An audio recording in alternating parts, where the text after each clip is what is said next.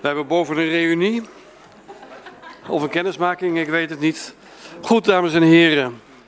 Het is vandaag 20 april 2023 en we hebben de besluitvormende raadsvergadering voor ons liggen.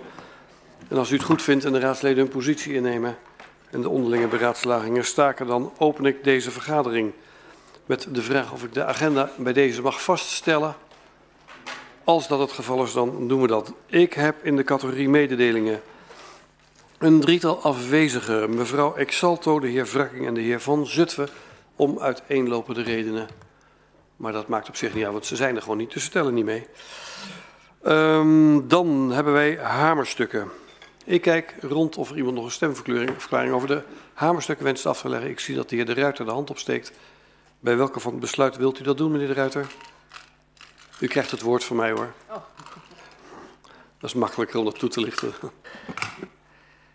Ja, maar nou ben ik, nou ben ik het stuk kwijt. Kunt, kunt u eens even opnoemen, voorzitter? Nou, de wijziging van de vergaderstructuur is geschrapt. Ja. Maar, uh, we hebben een uh, ingekomen stukken, besluitenlijst, financiële verordening, grondbeleid, kostenverhaal. Het was, uh, het was grondbeleid, voorzitter, excuus. Ja. Ze hangen ook zo met elkaar samen. Uh, ja, voorzitter, hamerstukken, wij, wij, wij, stemmen in met het grondbeleid. Uh, niemand hoeft zenuwachtig te worden. we zijn zelfs blij met een actief grondbeleid. Uh, in mijn stemverklaring die ik nu uitspreek zou ik nog wel willen benadrukken dat uh, wij het fijn zouden vinden als de raad uh, wat actiever geïnformeerd wordt dan tijdens de opiniële raadsvergadering bleek. Daar werd gezegd, u merkt het vanzelf als we actief grondbeleid voeren, want dan ziet u het in de grondexploitaties. Wij zouden graag eens in de zoveel tijd ook bijgepraat willen worden. Uh, vooral wanneer er ook niet gekozen wordt voor uh, actief grondbeleid. Zodat we meegenomen worden in de afwegingen en hoe die uitpakken uh, in de loop van de tijd, voorzitter. Dat was onze stemverklaring. Dank. Dank u wel, meneer de Ruiter. U sprak namens de fractie van GroenLinks. De stemverklaring is genoteerd en door de college in de oren geknoopt. En dan bezien we wel. Zijn er nog andere stemverklaringen? Als dat niet het geval is, geen behoefte aan stemming. Daarmee vastgesteld. Dan gaan wij naar de overige agendapunten. En als eerste staat genoteerd de sociaal-culturele voorziening Soesterberg. Zijn er daar behoefte aan stemverklaringen of het indienen van moties of amendementen? Ik zie in ieder geval mevrouw Sterenberg. Ik zag mevrouw, uh, van der Linden. Uh, ja, meneer Klandermans. Meneer Lucas. Meneer Paul. Mevrouw Waldraven. Meneer Gundus. Uh, meneer Baks. Mevrouw Welsjen, kijk eens aan. Meneer De Ruiter, nou, ik denk dat we bijna rond zijn. Goed. Uh, als mevrouw Sterenberg het goed vindt, wil ik als eerst het woord geven aan mevrouw Van der Linden, want ik weet dat die een motie of een amendement of iets dergelijks in petto heeft. Dan kunnen we de anderen daar ook gelijk op reageren, want dan maken ze een onderdeel uit van de beraadslaging. Vindt u het goed, mevrouw Sterenberg? Ja? Dan geef ik het woord aan mevrouw Van der Linden. En zij spreekt namens de fractie van POS. Dank u wel en dank u wel, voorzitter. Uh, ja, wij van de fractie van POS we hebben twee uh, moties gemaakt uh, voor dit plan. En ik zou graag willen beginnen met de motie voor de jongeren. POS heeft in de afgelopen tijd een enquête uitgezet en is in gesprek gegaan met jongeren op straat. Hieruit komt consequent naar voren dat jongeren te weinig vertier hebben in Soesterberg. Eenzelfde resultaat kwam eerder uit de enquête van Samen voor Soesterberg. 75% van de respondenten erkennen dit probleem. Maar onder deze respondenten waren slechts twee jongeren. Naast deze uitkomst is gisteren een oproep geplaatst door Soesterberg.nu om te brainstormen over jongerenactiviteiten, waarbij binnen één dag al 16 aanmeldingen zijn binnengekomen. Kortom, er is nog weinig onderzocht of geparticipeerd over wat jongeren nou precies willen. En tegelijkertijd zien wij in de plannen voor de toekomstige sociaal-culturele voorziening nog weinig activiteiten of mogelijkheden voor jongeren terug. Door jongeren niet te betrekken zou het college alle eerder onderzoeksresultaten, zeg het haalbaarheidsonderzoek, zeg de Rekenkamercommissie, zegt de enquête van Samen Soesterberg tegenspreken. Hieruit volgt onze motie, waarbij ik mij beperk tot het dictum. Wij verzoeken het college te onderzoeken hoe specifiek voor jongeren in de motie benoemde leeftijdscategorie activiteiten in Soesterberg, al dan niet in de beoogde sociaal-culturele voorziening, kunnen worden verzorgd en georganiseerd. De resultaten van dit onderzoek zouden wij graag uiterlijk in het vierde kwartaal van 2023 teruggekoppeld krijgen aan de gemeenteraad. Deze motie is namens de fracties van POS, GroenLinks en D66. Dank u wel, mevrouw van der Linden. Deze motie maakt nu onderdeel uit van de beraadslaging. Gaat u verder. Dank u wel. Daarnaast hebben wij een motie opgesteld voor de ouderen. Net zoals bij de jongeren heeft POS ook voor de ouderen een enquête uitgezet. En het zal u niet verrassen dat ook de ouderen zich onvoldoende gehoord voelen en zich niet hebben kunnen uiten naar de betrokken instanties. Uit de enquête van POS is gebleken dat 9 van de 10 vrijwilligersactiviteiten niet van plan zijn mee te verhuizen naar de plint. Ouderen voelen zich tevens onveilig om deze afstand naar en het plein zelf te bewandelen. Vereenzaming ligt op de loer, gezien partners van kwetsbare bewoners deze niet alleen thuis durven te laten, voor zolang naar de sociaal-culturele voorziening te zijn. En hieruit volgt onze motie, waarbij ik mij ook beperk tot het dictum. Wij verzoeken het college te onderzoeken of en hoe alle ouderen uit Soesterberg zich veilig en haalbaar naar de nieuwe sociaal-culturele voorziening kunnen verplaatsen. En ook te onderzoeken hoe de verkeersveiligheid voor bezoekers op het Den Bergplein kan worden gewaarborgd. En tevens deze resultaten van het onderzoek uiterlijk in het vierde kwartaal van 2023 terug te koppelen aan de gemeenteraad. Deze motie is namens de fracties van POS en GroenLinks. Dank u wel. Dank u wel, mevrouw van der Linden. Ook deze maakt nu onderdeel uit van de beraadslaging. U wil nog verder gaan? U bent klaar. Dan dank, dank u uh, als spreker namens de fractie van POS. Dan kijk ik naar mevrouw Sterenberg, die namens de fractie van de VVD het woord heeft gevraagd. En dat nu van mij krijgt. Ja, mevrouw uh. We hebben natuurlijk de vorige keer hier, toen we het hier bespraken, al uh, aangekondigd dat we verwachten op 20 april een verkiezingsbelofte in te lossen. En nou uh, ben ik natuurlijk van de Volkspartij, dus ik ben niet zo van, ik ben niet zo van de bubbels. Maar mevrouw Welsje begon over de bubbels.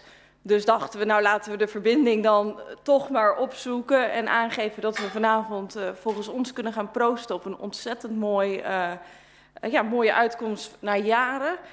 Ik zal niet, zoals bij mijn favoriete sport, de Formule 1, uh, losgaan hier, want deze zaal is net verbouwd.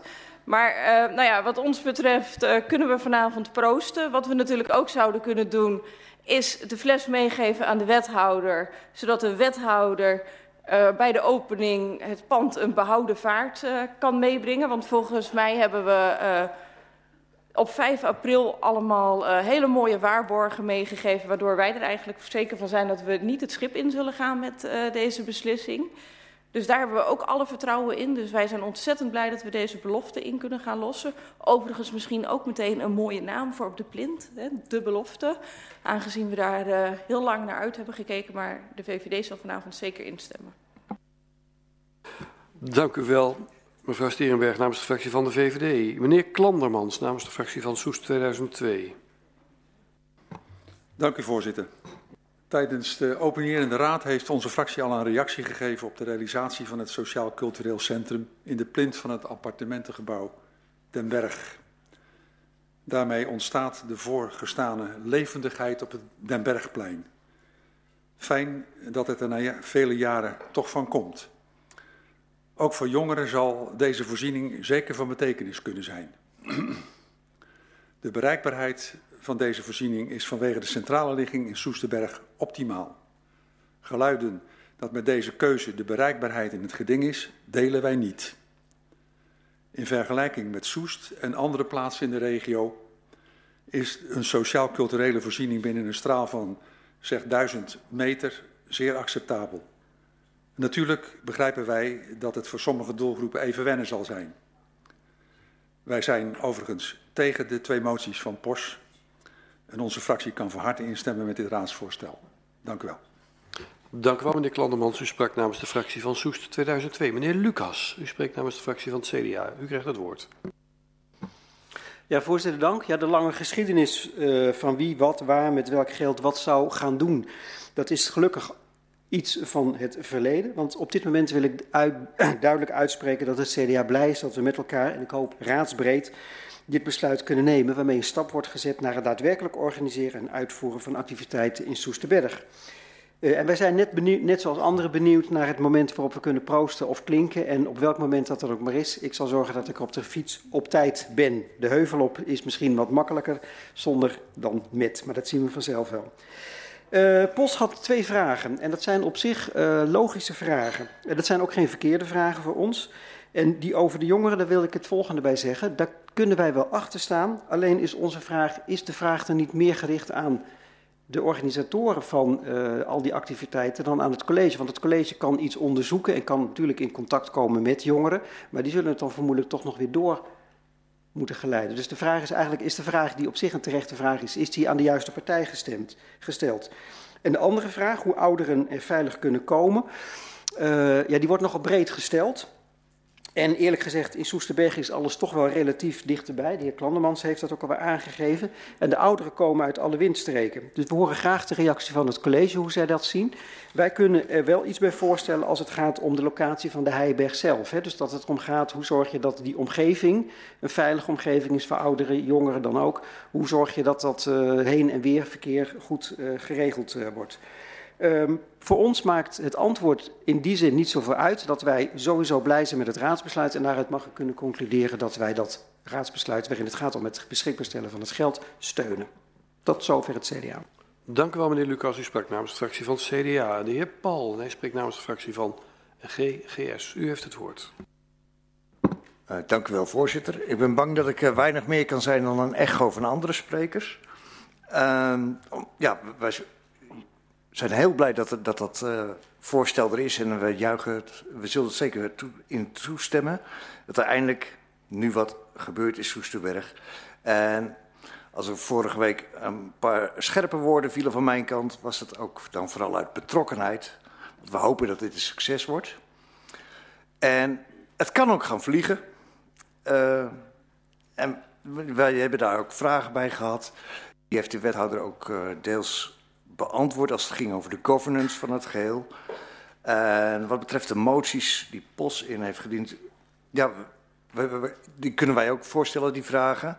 We denken ook dat die, wat het jongerenbeleid, de, uh, de programmering betreft vooral, en voor heel Soesterberg, uh, zoals ik het had begrepen, staat de programmering ook open voor activiteiten voor jongeren die dat zelf kunnen aangeven. En wat betreft de motie over de ouderen, sluit ik me aan bij de woorden van uh, collega Klandermans en Lucas. Tot zover. Dank u wel, meneer Paul. U sprak namens de fractie van GGS, mevrouw Walraven. En u spreekt namens de fractie van de ChristenUnie SGP. Dank u wel, voorzitter. Zoals vorige week al uh, aangaf, is de fractie van de ChristenUnie SGP enthousiast over dit voorstel. Een mooi nieuw sociaal-cultureel centrum in het hart van Soesterberg. Een centrum waar vele organisaties gaan samenwerken op sociaal en cultureel gebied. We hebben de wethouder vorige week duidelijk horen zeggen dat het een dorpshuis wordt voor iedereen. Dat de projectgroep ook met diverse organisaties in gesprek gaat om het een levendig en divers dorpshuis te laten worden, dat is een mooi uitgangspunt wat ons betreft. Mooi die gezamenlijkheid, organisaties die gaan samenwerken voor jong en oud. De moties van POS zijn wat ons betreft dan ook overbodig. We hebben de wethouder vorige week duidelijk horen zeggen dat er meegedacht gaat worden door de SWOS en door de bewoners van de drie eiken hoe het probleem op te lossen voor diegenen die slechter been zijn. En daar zijn denk ik best wel oplossingen voor te vinden. Verder hoorden we dat 70% van de ouderen die naar de activiteiten van de SWOS binnen de, buiten de drie eiken komt. Dus die zullen de weg ook wel naar dit nieuwe centrum vinden. En waar een wil is, is een weg, zei mijn vader altijd. Ook voor en met de jongeren gaat, gaat de projectgroep verder kijken. We hebben begrepen dat er een vervolgtraject komt om de jongeren verder te begraven, bevragen. Al dus de wethouder. dat was een leuke woordspeling, maar niet de bedoeling. Laten we erop vertrouwen. Ja. Dat past niet zo bij jongeren, hè? Nee. Dan ben ik wel blij dat u die verspreking nu maakt. Ja, precies. Laten we erop vertrouwen dat dit ook gaat gebeuren en dat er voor de jongeren ook passende activiteiten gaan komen. Kortom, wij hebben vertrouwen in het proces met de projectgroep en de vele andere organisaties en hopelijk kan het centrum gauw geopend worden. Wij kunnen dus instemmen met het raadsvoorstel. Dank u wel. Dank u wel, mevrouw Walraven. U sprak namens de fractie van de ChristenUnie SGP. Meneer Gundus, u spreekt namens de fractie van de Partij van de Arbeid. Dank u wel, voorzitter. Goedenavond allen. Um, ja, eindelijk, na tien jaar, um, kunnen we inderdaad een mooi dorphuis tegemoet zien in Soesterberg. De Partij van de Arbeid vindt het belangrijk dat er eindelijk een sociaal-cultureel centrum uh, in het dorp komt. Want we wachten ook hè, voornamelijk een groei richting de 10.000 uh, mensen, inwoners. Dus daarom is het belangrijk om uh, die nieuwkomers zich zo meteen goed thuis te laten voelen in Soesterberg. Um, dus wij vinden het ook heel belangrijk dat die, de voorzieningen straks ook gaan meegroeien.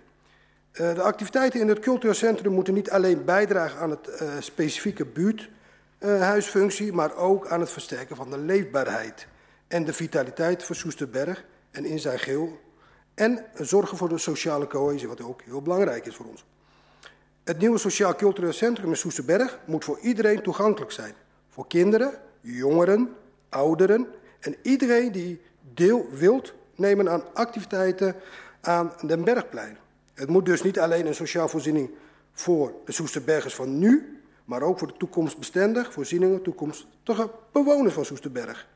Dus het is ook fijn hè, om dan uh, nu eindelijk een dorpshuis gerealiseerd te hebben. Dus wij hopen dat het, het nieuwe Sociaal Cultureel Centrum straks echt het huiskamer wordt van Soesterberg. Dan wil ik nog even kort reageren op uh, de moties uh, van POS. Uh, heel sympathiek.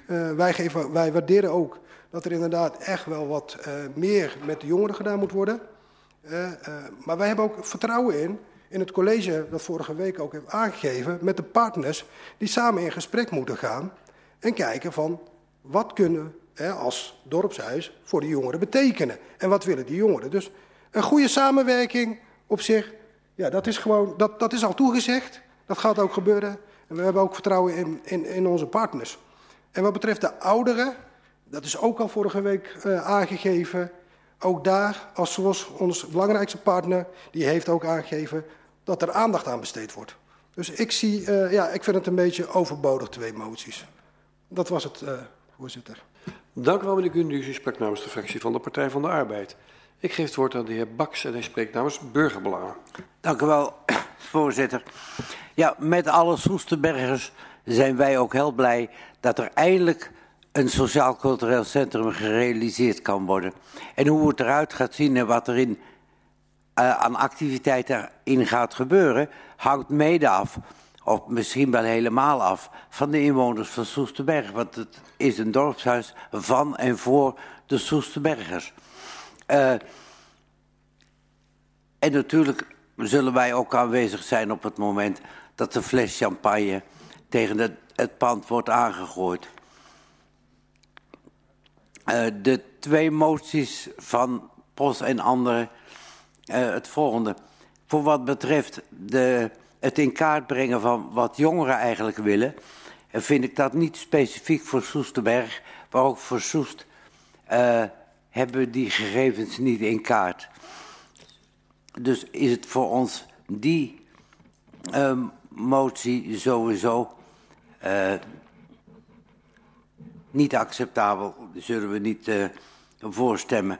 En voor wat betreft de motie over ouderen sluiten wij ons aan bij wat de heer Klandermans van Soes 2002 aangaf. Dat was het, voorzitter. Dank u wel, meneer Baks. U sprak namens Burgerbelangen. Mevrouw Welsjen, namens de fractie van D66. Dank u wel, voorzitter. Dank u wel, VVD. Volkspartij, daar moesten we toch ook wel even om lachen, nog een tijdje. Maar... En gaan we alsjeblieft niet met champagne gooien, beste mensen. Dat moet je opdrinken en niet tegen de muur gooien. Dus... Ik heb ook geen bout. Um, um... Sorry, het, het, uh, Sociaal, Sociaal Cultureel Centrum in Soesterberg. Uh, we hebben al aangegeven in de openierende raad dat wij uh, zullen instemmen met het voorstel. Uh, maar daarbij ook accepteren dat het waarschijnlijk niet voor alles en iedereen zal zijn. En dat risico loop je eigenlijk overal. We willen wel een waardering uitspreken voor de actieve wijze waarop POS hun volksvertegenwoordige taak hebben opgepakt en daar uh, vol voor zijn gegaan. Wij steunen ook wel graag de motie van jongeren. Uh, we snappen ook wel het punt van, van de andere partijen dat dat wellicht iets is wat de, wat de SOS zou kunnen oppakken. Maar het is ook wel een statement als je in de participatie twee jongeren aan het woord laat onder de 25 dat er misschien wel wat meer aandacht voor ze mag zijn. Um, Wat betreft de motie van de ouderen, uh, die zullen we niet steunen, maar wel het verzoek aan het college om misschien over een jaar wel kijken of de noodzaak er is om daar wel wat actief voor te doen. We hopen dat die noodzaak er niet zal zijn, dat ze een weg zullen vinden en dat inderdaad de partijen hun taak daarin oppakken.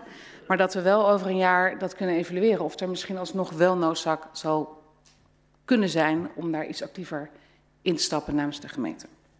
Tot zover. Dank u wel. Dank u wel, mevrouw Welsje. U sprak namens de fractie van D66. Meneer De Ruiter, GroenLinks.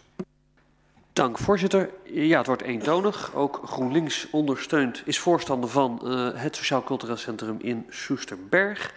Niet uh, omdat, zoals andere sprekers zeiden, er dan eindelijk iets gaat gebeuren in Soesterberg. Er gebeurt een hele hoop in Soesterberg. Ze lopen voorlopig ook al een kermis voor. Um, maar omdat Soesterberg ooit een dorpshuis had en nu na tien jaar eindelijk weer iets als een dorpshuis uh, terugkrijgt. En een dorp als Soesterberg dat natuurlijk ook gewoon uh, recht op heeft. Dat hebben we ook allemaal uitgesproken. Ook GroenLinks, dat vergat uh, de woordvoerder van GroenLinks de vorige keer te vertellen in het verkiezingsprogramma. Um, we zijn dus voorstander van uh, uh, een nieuw dorpshuis, uh, maar wel met begrip voor alle frustratie die het met zich meegebracht heeft. Wil het hier toch even noemen. De langdurige termijn, de tien jaar, al die andere plannen die allemaal toch alweer ergens gestrand zijn. En de zorg of de activiteiten die hier plaats gaan vinden ook de activiteiten zijn waar Soesterbergers behoefte aan hebben. En dan met name bepaalde doelgroepen. Vandaar uh, dat de twee moties door POS ingediend, door ons van harte mede ingediend worden, omdat die net het plan nog iets kunnen verbeteren, daar waar er eventueel gaten vallen. En we hopen dan ook maar dat het college deze moties van harte omarmt. Dank u, voorzitter. Dank u wel, meneer De Ruiter. U sprak namens de fractie van GroenLinks. Alle fracties hebben het woord gehad. Dan ga ik kijken naar het college van BNW uh, om u antwoord te geven op de vragen over de moties. Wethouder van Aals namens het college van BNW. U heeft het woord. Dank u wel. Nou, als u straks instemt met de sociaal-culturele voorziening, dan ontstaat er een plek in het hart van Soesterberg waar jong en oud terecht kan voor activiteiten, om ze zelf te organiseren of om ze te volgen. Een plek voor en door het dorp waar mensen elkaar kunnen ontmoeten en zich kunnen ontwikkelen.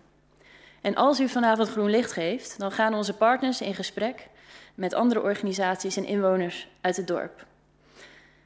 Doel is dan om samen te kijken waar de behoefte is, wat er naast het basisprogramma meer mogelijk is en ook hoe andere organisaties in het nieuwe centrum hun thuis- of een uitvalsbasis kunnen vinden. In de moties uh, die de fractie van, uh, van POS heeft ingediend, vraagt u uh, aandacht voor een aantal doelgroepen en informatie aan de Raad. In de eerste motie vraagt u aandacht voor jongeren. En ik wil graag nogmaals herhalen dat in het centrum nadrukkelijk ook ruimte en een plek is voor de jongeren van Soesterberg, jong en oud. En dat als u uh, vanavond groen licht uh, geeft en het dorp daarmee ook uitsluitsel geeft, dat we dan ook nou, onze partners die hier ook uh, aanwezig zijn om het, de besluitvorming te volgen, ook met het dorp verder kunnen vormgeven. En dus ook, ook met de jongeren. In gesprek kunnen over wat zij willen en waar hun behoeftes liggen. En ik kan daar, ten opzichte van, nog, van eerder, kan ik daar ook nog een paar dingen aan toevoegen. Nou, u kent Stichting Balans, die voor ons het jongerenwerk uitvoeren. Zij her herijken periodiek hun aanbod voor jongeren. Uh, om te kijken, sluit dat nog aan bij de behoeftes en bij wat er speelt. En zij zijn momenteel bezig om dat voor Soesterberg uh, aan, uh, te doen. Daarnaast is er op dit moment ook een participatietraject gaande voor de visie sociaal domein. en deze hebben we ingericht dat we zoveel mogelijk inwoners en doelgroepen bereiken en gaan we ook uh, in gesprek met jongeren.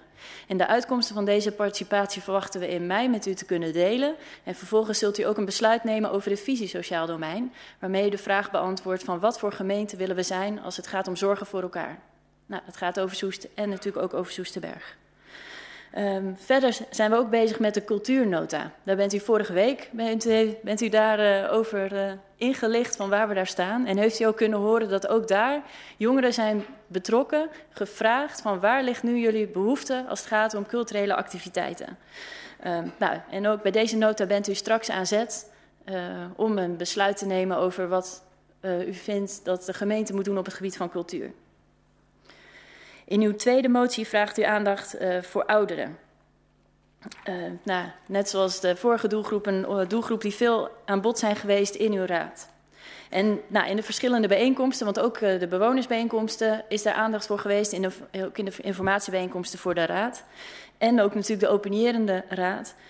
Is al aangegeven dat de partners in de uitwerking van de plannen wil onderzoeken hoe ouderen die niet zelfstandig er naartoe kunnen komen, dat die wel daar naartoe kunnen gaan. En wat mij betreft gaat het eigenlijk ook over nou, breder eigenlijk mensen. Want het kan ook zijn dat mensen niet oud zijn, maar alsnog niet zelfstandig er naartoe kunnen. Ook al is Soesterberg inderdaad klein qua schaal, uh, maar er kunnen beperkingen zijn.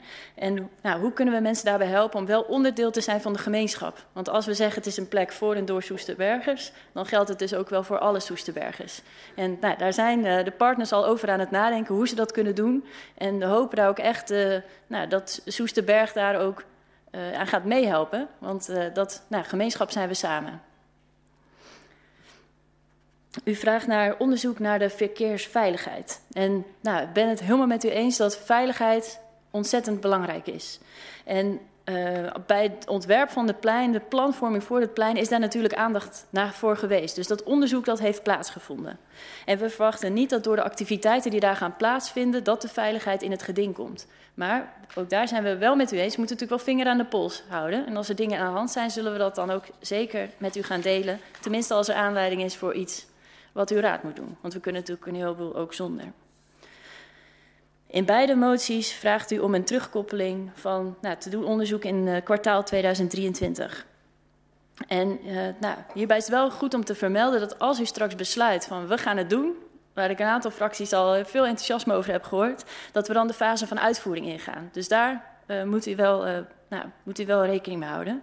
En wij zijn zeker wel van plan om onze raad op de hoogte te houden van de uitwerking van de plannen. Natuurlijk krijgt u een uitnodiging voor de opening. Dus, uh, en ook voor hoe het verderop gaat. Want mevrouw Welzig had het al over een evaluatie. Natuurlijk willen we gaan volgen hoe gaat het. En ik snap ook zeker de, de, dat u daar als raad ook in meegenomen wilt worden. Dus dat gaan we ook zeker doen.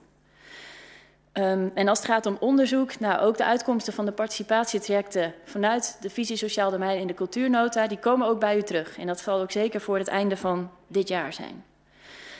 En nou, als college kunnen we natuurlijk zeggen, de motie is overbodig. Ik hoorde ook de heer De Ruiter van ja, omarm. En uh, daarbij moet ik ook denken aan de woorden die uh, de heer Paul aangaf. Van, nou, kritische vraag is ook vanuit betrokkenheid. En dat is ook zeker waar. En zo zie ik uw motie ook. Het is ook een teken van betrokkenheid bij dat het nou, straks een succes wordt. En als college zouden we ons kunnen voorstellen dat u de moties aanhoudt. Eh, omdat wat u vraagt nou, eigenlijk al in gang heeft gezet. Maar zo kunt u wel kijken of op een later moment het toch opportun is.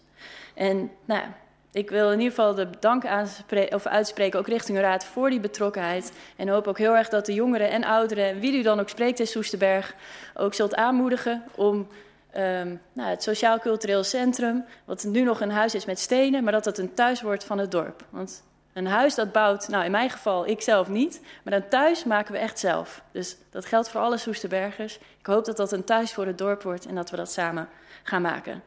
En uh, nou, heel leuk dat daar dan champagne bij past. Die gaan we uh, bewaren tot de opening. En uh, of, daar, of die dan kapot gaat of niet, dat zult u zien. Er gaat geen raadsbesluit voor nodig zijn. Dank u wel. Dank u wel, wethouder Van Aalst, namens het college van BMW. Ik ga kijken of er behoefte is aan een tweede termijn. En wel door wie u. Er is behoefte aan een schorsing, zie ik. Dan, dan schors ik voor vijf minuutjes. Langer? Ongeveer vijf minuutjes. Tien minuten wordt gevraagd. Ik schors tot tien over acht. Goed, dames en heren van de Raad en leden van het college. Als u allemaal weer de gereserveerde plekken wil innemen in plaats van de gezellige zitjes. Ja, dat zijn wel leuke zitjes. Dan geef ik nu het woord aan degene die de schorsing heeft gevraagd. En dat is mevrouw van der Linden namens de fractie van POS. U heeft het woord. Dank u wel, voorzitter. Dank u wel allemaal. Uh, wij interpreteren de woorden van de wethouder als dat onze motie, moties, moet ik zeggen, voldoende overgenomen worden. En we zullen die moties nu dan ook niet in stemming brengen. Maar dit betekent niet dat u automatisch achterover kunt leunen, want wij zijn POS. En u kunt verwachten dat wij het college kritisch blijven volgen in de uitvoering van dit plan. En als blijkt dat de uitvoering ineffectief is, dan zullen wij overwegen om op een later moment hierbij op terug te komen. Daar worden de moties denk ik aangehouden, in ieder geval niet in stemming gebracht. Um, dan hoeven we het daar ook niet meer over te hebben. Hebben de andere fracties nog behoefte aan een tweede termijn? Als dat niet het geval is, mag ik dan veronderstellen dat we de wave doen en unaniem instemmen? Oh, of wil u nog een stemverklaring afleggen? Oh, dan wel een stemverklaring. Ja, nog even iets te vroeg voor de wave. Mevrouw van der Linden nog een keer. Dank u wel, voorzitter. Ik had beter kunnen blijven staan, blijkt achteraf. Um, beste Soesterbergers en alle luisteraars en toehoorders. Ik stel u gerust dat de bijdrage van POS dit keer ingekort zal zijn ten opzichte van de opiërende raad. POS heeft zich sinds haar oprichting hard gemaakt voor een Soesterberg waardige sociaal-culturele voorziening à la dorpshuis. Een voorziening waar het dorp al zoveel jaar op wacht en iedere Soesterberger gebruik van kan maken. Waar menige partij zich druk maakt over het inlossen van een verkiezingsbelofte en bijna blind champagne gaat drinken, blijft bij ons de fles nog even dicht. In het verleden hebben voor het Sociaal Cultureel Centrum, alle dorpshuis, zich kansen voorgedaan die er nu niet meer lijken te zijn. Zeg een marechaussee-kazerne, zeg een evenemententerrein, zeg een officierscasino. Kortom, de plint lijkt nu de enige optie te zijn. Was het niet mooi geweest als een van de andere eerder genoemde opties beschikbaar en omarmd was door de gemeente, waarbij Stichting Dorpshuis nog in de loop had gezeten? Dit punt zijn wij helaas voorbij en de plint blijft nu over. Voor POS blijken veel dilemma's in de vormgeving van deze toekomstige sociaal-culturele voorziening. Te beginnen bij de stakeholders en hun draagvlak. Het bevreemdt dat jaarcijfers nog niet beschikbaar zijn, wellicht vanaf 21 april. Activiteiten zijn voor de helft overgenomen en voor de helft nog onzeker. Sterker nog, waar is dan de feitelijke financiële onderbouwing? Zullen de huurders en onderhuurders zelfstandig genoeg worden in de komende drie jaar? Of zal de gemeente na drie jaar de subsidiekraan open moeten houden? Zal de gemeente sturen op deze te worden zelfstandigheid? Of wil de Soestergemeenschap, lees voor Soest ook Soesterberg, blijven betalen voor Soesterberg? Dit laatste is overigens prima wat post betreft, maar dat er nu nog veel op aannames berust, dat is zorgelijk. Wordt het kopje koffie van 1,20 euro dan misschien wel 3,65 euro? Het gemakkelijke van ouds lijkt verleden tijd door wetten, regels en het moeten aanvragen van vergunningen, omdat zo'n gecentreerde locatie dit ook vereist, gezien de ligging van het gebied. Deze nieuwe locatie heeft niet alleen te maken met het dorpshuis, maar ook met direct omwonenden. We hopen dat de oproep van de direct omwonenden wordt gehoord en dat de stakeholders en de gemeente deze bewoners meenemen in de plannen en regels rondom deze sociaal-culturele voorziening. Bij het dorpshuis hoort ook volgens het haalbaarheidsonderzoek en de Rekenkamercommissie een geschikte buitenruimte. Wij verwachten dat bij de organisatie rekening wordt gehouden met de voorziening ervan op het Den Bergplein en dat de veiligheid en verkeer in acht zullen worden genomen. We hebben het over een dorpshuis. En um, we hebben het over een dorpshuis, maar een dorpshuis zoals dit voorheen was, dat wordt het nu niet. Soesterberg zal het ermee moeten doen. Is het daarmee het dorpshuis zoals veel Soesterbergs het graag hadden gezien? Het eerlijke antwoord is waarschijnlijk nee. In feite is het echt geen echt dorpshuis. Is het een sociaal-culturele voorziening die kan voorzien in een aantal behoeftes uit het dorp? Ja, waarschijnlijk wel. POS roept al jaren om niet alleen te investeren in bakstenen, maar ook in de Soesterbergse samenleving. En van POS wordt verwacht dat het vanavond de stemmen uitbrengt voor of tegen deze voorziening. En dat is voor ons best lastig. Er zullen mensen zijn die liever zouden zien dat we anders hadden gestemd. En dit is en blijft een dilemma. Voor POS zijn alle inwoners van Soesterberg even belangrijk. En we zijn verheugd met de toezeggingen of omarming van de wethouder zojuist rondom onze moties, dat er naar een oplossing en mogelijkheden wordt gezocht. En wij gunnen al onze inwoners, jong, oud en alles ertussenin, een dorpshuis die in ieder recht doet. Voorzitter, naast onze kritische blik, maar met voldoende overgenomen moties, als ik dat zo mag noemen, geven wij het college dit keer het voordeel van een twijfel. En wensen de stakeholders veel succes. En we stemmen dan ook voor dit plan. We zullen de ontwikkelingen kritisch volgen, zoals u net hoorde, en we verwachten in ieder geval na drie jaar, maar hopelijk jaarlijks, een evaluatie vanuit de gemeente en de stakeholders. Tot zover. Dank u wel. Dank u wel, mevrouw van der Linden. U sprak namens de fractie van POS. Dan denk ik dat we toch aan de vooravond staan van een historisch besluit. Want ik geloof dat, hele, als ik goed geteld heb, dat ik de voltallige gemeenteraad kan instemmen met dit besluit. Ik kijk even de kring rond. Ik zie overal instemmend geknik. Dan stel ik vast dat de Raad unaniem heeft besloten om deze een krediet voor de sociaal-culturele voorzieningen van Soesterberg te beschikken. En daarmee is het vastgesteld. Dan gaan wij naar de startnotities, omgevingsprogramma's, mobiliteit, wonen, werken, energietransitie. Ik hoor helemaal gesouffleerd, maar ik hoor het gelukkig niet. Waterriolering, groen en landschap. Uh, ik weet dat er ligt een aangepast raadsvoorstel. Dat wordt toegelicht door mevrouw Flinteman. En die geef ik hier over het woord. Uh, dank u wel, uh, voorzitter. Um, ja, ik sta hier namens alle tien uh, de fractievoorzitters. Die de afgelopen weken meerdere keren met elkaar afstemming hebben gehad over het proces rondom de startnotities. En daar ook in onze fracties over hebben gesproken. Vanavond hebben we een voorgesteld besluit over het vaststellen van de startnotities, omgevingsprogramma, mobiliteit, wonen, werken, energietransitie, waterriolering, groen en landschap. En over dit voorgestelde besluit gaat deze korte toelichting. Voorop lopen in een proces waar veel gemeenteraden nog mee bezig zijn, is altijd een weg van ontdekken en reflecteren. Vanuit de gemeenteraad werd bij de vaststelling van de omgevingsvisie gevraagd om startnotities als tussenstap aan de raad voor te leggen. Nu wij deze startnotities tot ons hebben genomen en er op 30 maart uitgebreid met elkaar bij hebben stilgestaan, komen wij in gezamenlijkheid tot de conclusie dat de startnotities niet door ons als raad moeten worden vastgesteld. We zijn van mening dat het op te stellen wegingskader na het participatietraject dat de komende periode wordt opgestart, het, het politieke moment voor ons als raad is. De input die tijdens de opinierende raadsbijeenkomst van 30 maart is gegeven, wordt, zoals het college al liet weten tijdens die bijeenkomst, dat wordt meegenomen bij het participatietraject. En het door het college gevraagde krediet stellen wij dan ook beschikbaar. U ontving gisteren einde van de dag al het voorgestelde gewijzigde besluit dat wij als fractievoorzitters met elkaar hebben geformuleerd. Bij deze nog even de beslispunten die vanavond aan u worden voorgelegd. Het besluit. 1. De startnotities voor de omgevingsprogramma's wonen, werken, mobiliteit, waterriolering en klimaatadaptatie, energietransitie, groen en landschap uit te laten werken conform het plan van aanpak, waaronder de participatiefase. 2. Het college te verzoeken de diverse aandachtspunten die op 30 maart vanuit de raadsfracties zijn meegegeven, zo goed mogelijk naar voren te brengen in het participatietraject. Een budget van 385.000 euro beschikbaar te stellen voor het opstellen van de omgevingsprogramma's Werken en Groen en integrale regievoering op de programma's. Dat de weging van de waardekaarten, oftewel het wegingskader, voor het eind van het jaar aan de Raad ter besluitvorming voorgelegd moet worden. Dat was punt 4. We willen benadrukken dat we veel waardering hebben voor alle inspanningen vanuit het college en de ambtelijke organisatie om tot de startnotities te komen. We beseffen dat er veel werk is verricht en dat met het op te starten participatietraject er straks een wegingskader tot stand komt waar wij onze rol als raad kunnen pakken.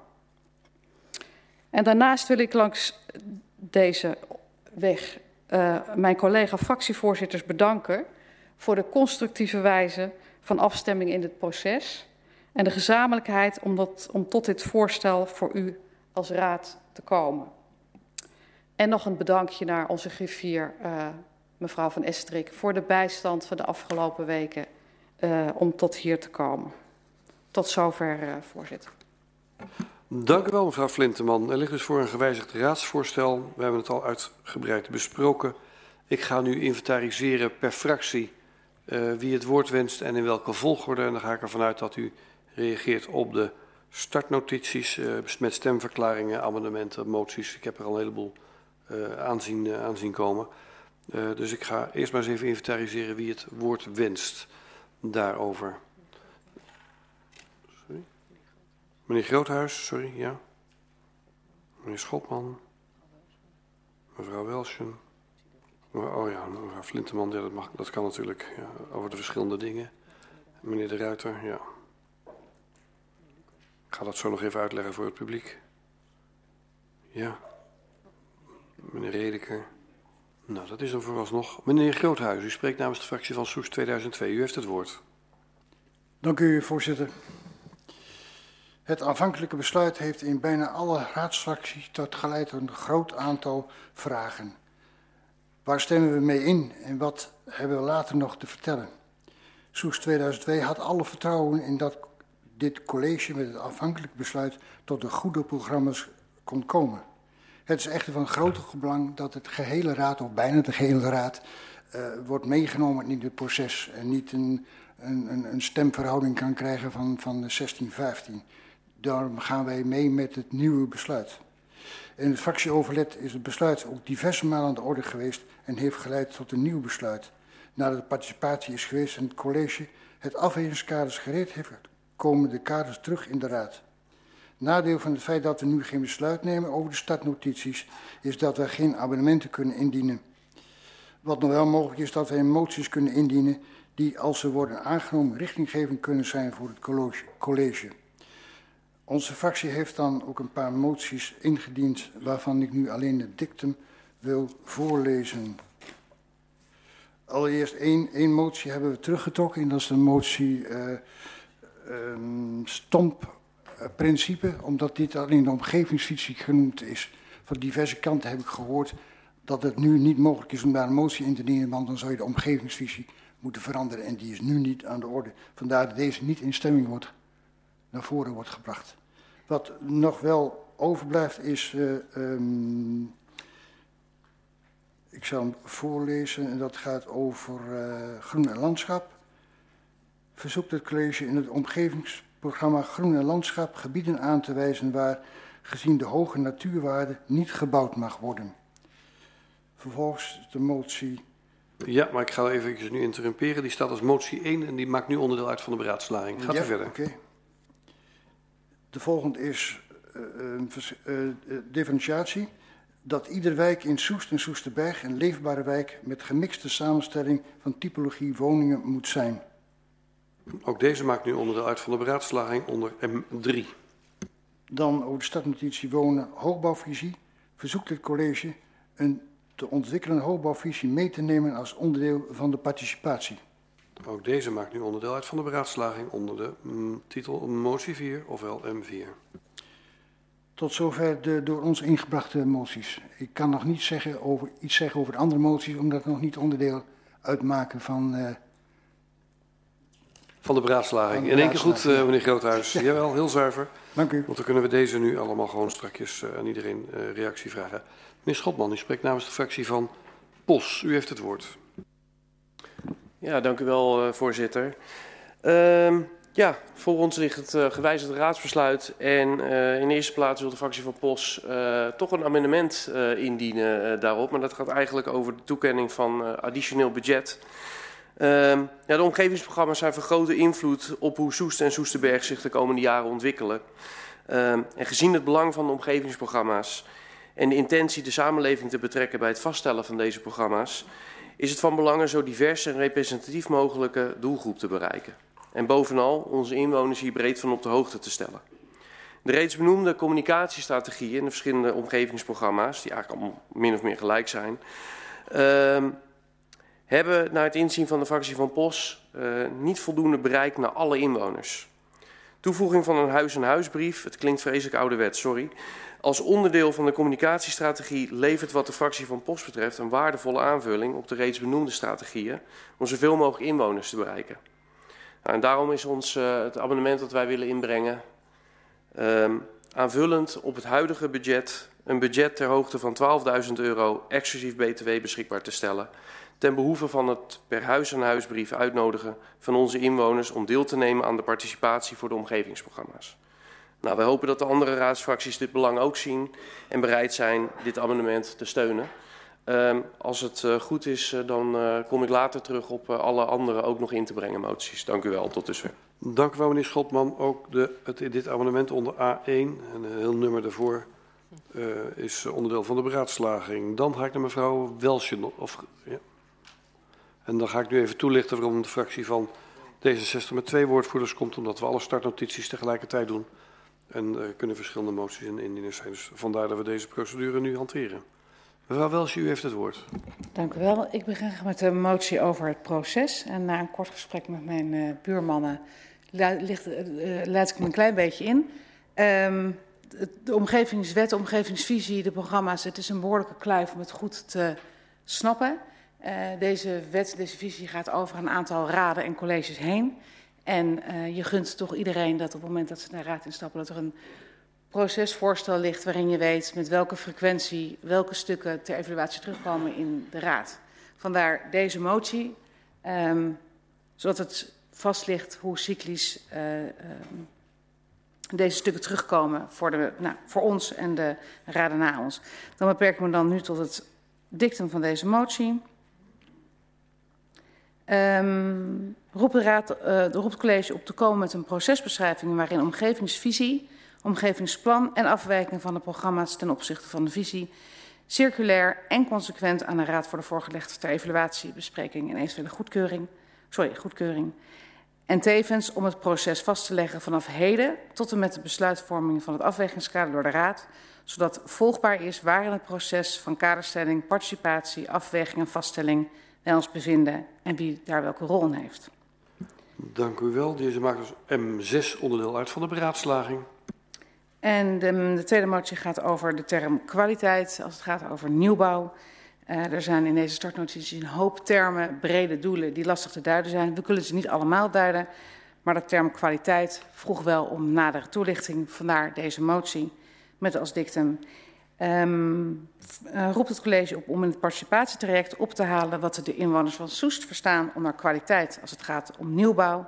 En dat vertaalt naar duidelijke kaders en normen die leidend zijn in toekomstige bouwprojecten. Tot zover, dank u wel. En deze maakt als M7 onderdeel uit van de beraadslaging. Dank u wel, mevrouw Welsje. Mevrouw Flinteman gaat u namens de fractie van D66 verder. Dank u wel, uh, voorzitter. Uh, ja, het is al door verschillende collega's uh, gezegd. Uh, het was een worsteling de afgelopen weken, deze startnotities.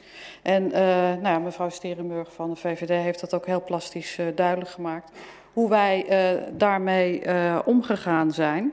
En dan is het voor D66 toch in dit geval bij twijfel niet inhalen. Dus bij twijfel eerst maar uitstellen in dit geval. Laten we eerst de analysefase doorlopen, daarna de participatie met onze inwoners doen en daarna op basis van die gegevens de afweging maken en prioriteiten stellen en keuzes maken.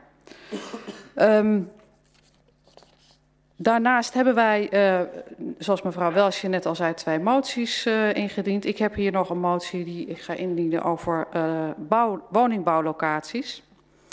Um, in de startnotitie staat dat in de participatiefase in de aanloop naar de omgevingsprogramma's de inwoners van de gemeente Soest gevraagd wordt naar locaties die, die zij geschikt vinden om na 2030 woningen te bouwen. Hierbij worden geen kaders anders dan de hoofdstructuur groen uit de omgevingsvisie aangereikt. Nou, u kunt zich voorstellen wat dat oplevert. Een lijst met locaties waarvan we bij sommigen al voor, bij voorbaat weten dat een, een deel gaat afvallen. En dat vindt D66 geen goede basis voor een gewone, maar, gewogen, maar ook vooral voor een betrokken participatie. Want het is heel frustrerend nu natuurlijk voor inwoners als je denkt ik mag vrijuit meepraten zonder kader. En dan wordt er alsnog uh, uh, van alles uh, strepen doorgehaald voor locaties waarvan al van tevoren bekend was dat ze niet binnen de toetsingscriteria of kaders pasten. Dus waarom niet vooraf de al bekende kaders en toetsingscriteria meegeven? En inwoners de mogelijkheid geven ook van een deze ook van een wegingsfactor te voorzien. Want dat levert een helder uh, resultaat, een concrete lijst met potentiële woningbouwlocaties. En vervolgens kan de Raad hier dan een besluit over nemen, zoals ook opgenomen in de opdrachten voor omgevingsprogramma's. En dan het dictum van deze uh, motie. Um, de motie roept het college op de toetsingscriteria vast te stellen en deze met wegingsfactoren vooraf mee te geven bij de participatie met de inwoners voor mogelijke woningbouwlocaties. En de lijst met potentiële woningbouwlocaties 2030 en verder als resultaat uit het voorgaande proces de besluitvorming aan de Raad voor te leggen. En dit is een motie van D66 en ik heb net gehoord dat uh, ChristenUnie graag mee wil uh, indienen. Tot zover, uh, voorzitter. Oh, ik, mag ik nog even een reactie wel, op de mevrouw voorgaande... Flinteman, motie 5 maakt nu onderdeel uit van de beraadslaging. En ik wou nog even een reactie op de voorgaande moties uh, geven. Als dat, uh, nou, eigenlijk, want iedereen is heel netjes geweest te wachten tot alle moties waren ingediend. Als ik het goed gezien heb, zijn nu alle moties op dit, en amendementen op dit onderwerp ingediend. En dan ga ik nu inventariseren wie allemaal het woord willen over de formele eerste termijn. Dus als u het goed vindt. Ja. ja? Want ik zag al dat een aantal mensen hun vinger hadden opgestoken. Uh, maar er gingen niet om moties en amendementen, uh, denk ik. En ik zie nu allerlei andere handen omhoog uh, gaan. Dus ik had al staan meneer De Ruiter, meneer Lucas en meneer Redeker. En ik zie nu mevrouw Sterenberg. En ik zie meneer Lucas. Oh, die had ik al, ja. meneer... Ik word in verwarring gebracht. Ik kom, zo bij u, meneer... Nee, ik ga u eerst meneer Slotman. En mevrouw Flinterman wilde natuurlijk ook. Meneer Dijkhuizen. Dat lijkt hem. Ik denk nog niet dat we helemaal op tien zijn, maar dat geeft niet. Meneer De Ruiter, GroenLinks, u heeft het woord. Dank voorzitter.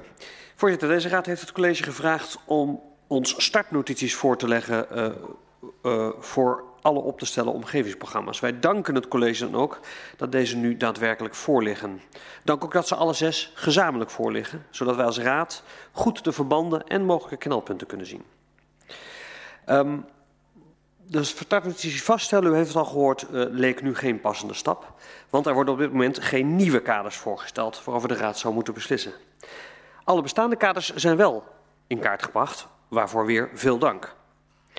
Het voorstel is nu om met deze kaders het gesprek aan te gaan met onze inwoners in een participatieproces. En dat juicht deze gehele Raad toe. Uit deze gesprekken moet nou juist blijken hoe Soesters en Soesterbergers aankijken tegen alle zes de ruimtelijke onderwerpen. In de uitwerking programma's volgt dan vervolgens waar de kaders knellend of zelfs conflicterend zijn. En dat is het moment waarop kaders aangepast zullen worden of waarop duidelijk wordt welke kaders boven andere moeten gaan gelden. Er is uitgesproken dat dat het moment is waarop wij als raad aan zet zijn om te beslissen. GroenLinks stemt uiteraard in met het aangepaste besluit. We zijn ook blij dat we er actief een wezenlijke bijdrage aan hebben kunnen leveren. Tegelijkertijd vinden wij ook dat dit dan niet het moment is om met moties allerlei inhoudelijke randvoorwaarden te stellen aan de nog uit te werken omgevingsprogramma's. Dat is spreken voor je beurt. Laten we nu eerst die Soesters en Soesterbergers aan het woord laten en dan pas politiek beoordelen of hun inbreng voldoende verwerkt wordt door het college. De moties zijn wat ons betreft dan ook voorbarig. Ik pik er even twee uit voor een toelichting. Um, bij motie 5 de woningbouwlocaties, kunnen wij ons bijvoorbeeld zeker voorstellen dat een lijst met potentiële woningbouwlocaties een raadsbesluit vergt. Die wordt voorlopig echter nog niet opgesteld. En daarmee loopt ook deze motie op de zaken vooruit. Zeker ook wat betreft de wegingsfactoren, hoe je tot zo'n lijst komt.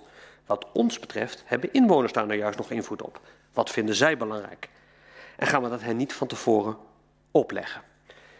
Ik moet eigenlijk ook nog iets zeggen over taalgebruik in sommige moties. Want als we op die manier gaan participeren, dan komt er niet heel veel respons, vrees ik. De tweede motie uh, heb ik meer eerder een vraag over, uh, voorzitter. Dat is motie 4 van Soes 2002.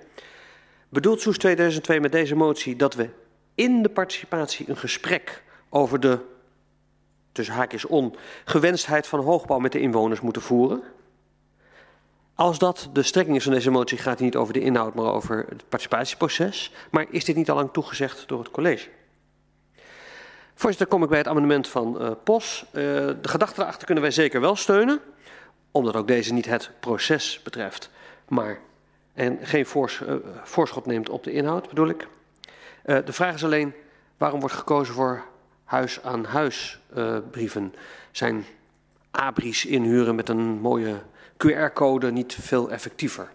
Dus vraag even de gedachte van POS, of iets anders natuurlijk, hè een leuk feest op het dorpsplein. Um, graag even, uh, waar, we, waar, we met enquêtes mensen gaan vragen wat ze willen. Nou, graag even een toelichting van POS waarom nou specifiek huis- en huisbladen effectief geacht worden. Dank, voorzitter. Het mooie is dat u als eerste was, meneer De Ruiter, en daar de anderen dan gelijk uh, in hun ronde het antwoord op kunnen formuleren. Dank u wel voor uw bijdrage. meneer Lucas, CDA, u heeft het woord. Ja, voorzitter, dank. In aansluiting op wat al gezegd is, waardering willen we toch ook vanuit de CDA uitspreken voor wat gedaan is. En toch maar alvast succes en inspiratie gewend bij alles wat nog gedaan moet worden. Want volgens mij staan we aan het begin van een behoorlijk druk proces, om het zo maar te noemen. De vorige keer heb ik benadrukt dat het CDA geïnteresseerd is in de uitkomsten. Maar vooral ook in het goed kunnen beoordelen van die uitkomsten. Uiteindelijk gaat het om een integraal beeld wat wij met z'n allen moeten zien te krijgen. We hebben suggesties meegegeven en we hoorden dat die opgepakt worden. Het CDA heeft afgezien van moties en amendementen. Een beetje om de reden die de heer De Ruiter heeft uh, aangegeven. We hadden het kunnen doen om de notie van wonen met welzijn onder de aandacht te brengen. Om dat op de kaart te zetten en om ook gelijk te vragen wat er wordt bedoeld met de uitkomsten. Wat wordt dat, hoe wordt dat verbeeld? Maar een aantal andere partijen heeft dat wel gedaan. En dat noopt ons dan toch tot een reactie daarop te geven. En daarover het volgende. Het CDA vindt het juist de meerwaarde van de participatie om daar onbevangen mee te starten. Niet van tevoren aangeven wat wij als raad belangrijk vinden. Ik zou zeggen, daar kan je de verkiezingsprogramma's weer eens goed op doorlezen. En nu zijn de inwoners aan het woord. En wat belangrijk is, dat is dan wel dat vooraf duidelijkheid wordt gegeven over een aantal zaken. Dat komt het bespreken ten goede. Het bespreken met de inwoners. Met dat voor ogen hebben wij de voorstellen bekeken en als volgt beoordeeld. Uh, de amendement, het beschikbaar stellen van extra geld voor een krant. Nou, er werd net ook al aangegeven, is dit dan de juiste manier? Inhoudelijk hebben wij daar geen problemen mee, maar ik neem aan dat het college zelf ook wel zorg kan dragen voor een effectief inzet van de middelen. Als het echt nodig is, willen we het steunen. Dan komt het het proces te goede. Dat vinden we namelijk wel heel belangrijk. Maar we horen graag het college hierover of dat al niet in dat bedrag wat we hebben toegezegd, tenminste straks gaan toezeggen, meegenomen wordt. De moties. Motie 1, gebieden aanwijzen. Ja, wij vragen dus nu juist aan de inwoners wat zij ervan vinden. En misschien vinden die helemaal niet belangrijk dat er gebieden worden aangewezen. Die komt dus inderdaad te vroeg. En hetzelfde geldt met motie 3, dat iedere wijk een gemixte samenstelling van typologie moet hebben. Dat vragen we juist aan de bewoners. En dan vraag ik me ook af, dat, dan neem ik ook aan dat we afvragen wat wordt daar nou mee precies bedoeld. Want wat is een gemixte typologie? Is dat hoogbouw in Soes-Zuid en Soesterberg, net als in Smitsveen? Wat bedoelen we daar nou mee? Laat het aan de inwoners over. Motie 4 ook precies hetzelfde, over de bouwhoogte.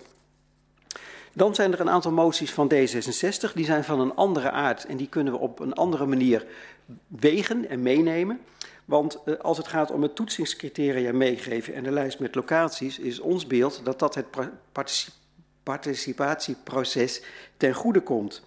Uh, want dan gaat het over het goed informeren van de inwoners. Zodat wij, als wij later een uitspraak horen van de inwoners, dat wij weten waar ze het over hebben en wij dat kunnen toetsen, om het zo maar te zeggen.